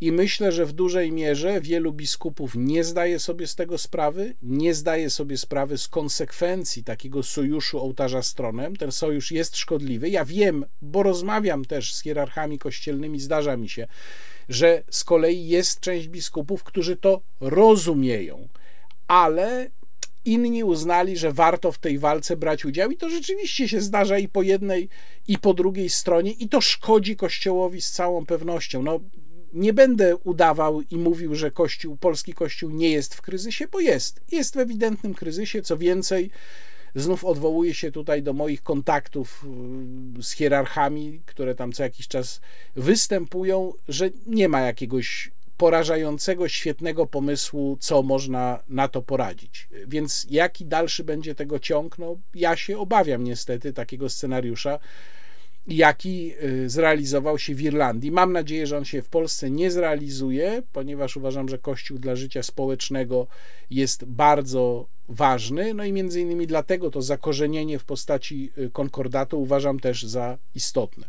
Pan Krystian pyta: Panie redaktorze, Rodowód krwi to kolejny po pierścieniach władzy serial, od razu mówię, przepraszam, ani jednego, ani drugiego nie znam, który kaleczy oryginalne książki, które rzekomo ekranizują, narzucają widzom poglądy, przeczą podstawowej logice, jak różne kolory skóry w zimnym klimacie i w tym samym plemieniu. Dlaczego pana zdaniem producenci uparcie produkują coś takiego? No, produkują, bo takie jest oczekiwanie poprawności politycznej i no, to jest taki mechanizm, z którego bardzo trudno się wyrwać. Znaczy, rzeczywiście hmm, wydawałoby się, że to powinno być możliwe, ale wpływ różnego rodzaju lobby na koncerny i firmy producenckie, na środowiska aktorskie, reżyserskie jest zbyt potężny. No, to jest pewien instytucjonalny, zinstytucjonalizowany już mechanizm, z którego się bardzo trudno wyrwać. Powiedziałbym, no bardzo trudno robić film, jeżeli się ma na to inny pogląd, czyli właściwie tu następuje pewnego rodzaju selekcja. Ci, którzy sfilmowaliby to inaczej, po prostu nie dostają takiej szansy. Panie redaktorze, jak Pana zdaniem należało rozwiązać kwestię kozacką? Czy dało się uniknąć powstania Chmielnickiego i zachować tamte tereny w Rzeczypospolitej, a kozaków jako lojalnych żołnierzy i obywateli? Czy możliwe było ich uszlachcenie? To jest pytanie do historyka, nie do publicysty politycznego zajmującego się e, współczesną polityką. Natomiast no, ja mogę tylko powiedzieć bardzo krótko, że ja rzeczywiście żałuję, że do zawarcia Unii Hadziackiej nie doszło I myślę, że to była szansa dla Rzeczypospolitej, i myślę, że wiele rzeczy mogłoby się potoczyć inaczej, gdyby Rzeczpospolita stała się Rzeczą Pospolitą. Trojga, formalnie trojga, bo faktycznie była Rzeczą Pospolitą trojga narodów, ale formalnie nie. Gdyby formalnie stała się Rzeczą Pospolitą trojga narodów, ale jak powiadam, no to jest temat do dyskusji pomiędzy historykami. I już zbliżamy się do końca. Ostatnia strona pytań. Pan Rafał Kowal mówi. Trochę już było już pytanie dotyczące Łodzi, ale to jest następne, podobne. Jestem z Łodzi tak jak pan, pozdrawiam krajana i chciałbym wiedzieć, jakie ma pan zdanie o naszym mieście. Czy podoba się panu Łódź i to, jak się zmieniła w ostatnich latach? Jakie ma pan zdanie o pani prezydent Zdanowskiej? Ja bywam w Łodzi raz na kilka tygodni przez chwilę, więc tak naprawdę po mieście za dużo nie chodzę, bo odwiedzam wtedy przede wszystkim rodzinę. Natomiast to, co widzę, mi się niespecjalnie podoba. Uważam, że nie ma natomiast to pomysłu. Pani Zdanowska to właściwie jest jeden permanentny korek związany z różnego rodzaju przebudowami i mm, remontami, chyba przeprowadzanymi bez specjalnego planu. Ja po prostu nie wiem, czym Łódź ma być. To już o tym mówiłem. Nie widzę tutaj jakiegoś strategicznego pomysłu, co to miasto właściwie, w czym to miasto miałoby się wyspecjalizować, czym ono by miało być. Więc myślę, że tu pani Zdanowska no, kontynuuje niechlubną tradycję poprzedników. Pan Lech Dąbrowski, pytanie. Co by pan doradził komuś, komu dobro Polski leży na sercu, ma dość PiS, jednocześnie totalna opozycja nie oferuje zupełnie nic, nawet szczątkowego programu, a Konfederacja jest raczej happeningiem politycznym nie nadającym się na razie do przejęcia sterów państwa. Pierwszy raz od lat naprawdę nie ma na kogo głosować.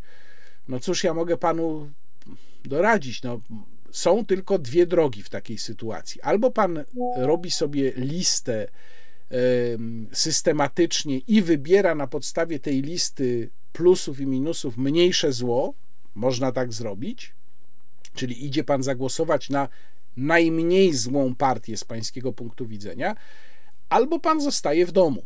Do czego też ma pan prawo, ja zawsze o tym przypominam przed każdymi wyborami. Proszę się nie dać steroryzować tym, którzy mówią, że macie państwo obowiązek głosować. Nie Nie macie Państwo obowiązku głosować, można nie pójść głosować. To jest także wybór obywatela, który uważa, że oferty nie ma do tego stopnia, że po prostu nie idzie głosować, więc taką możliwość również Pan ma.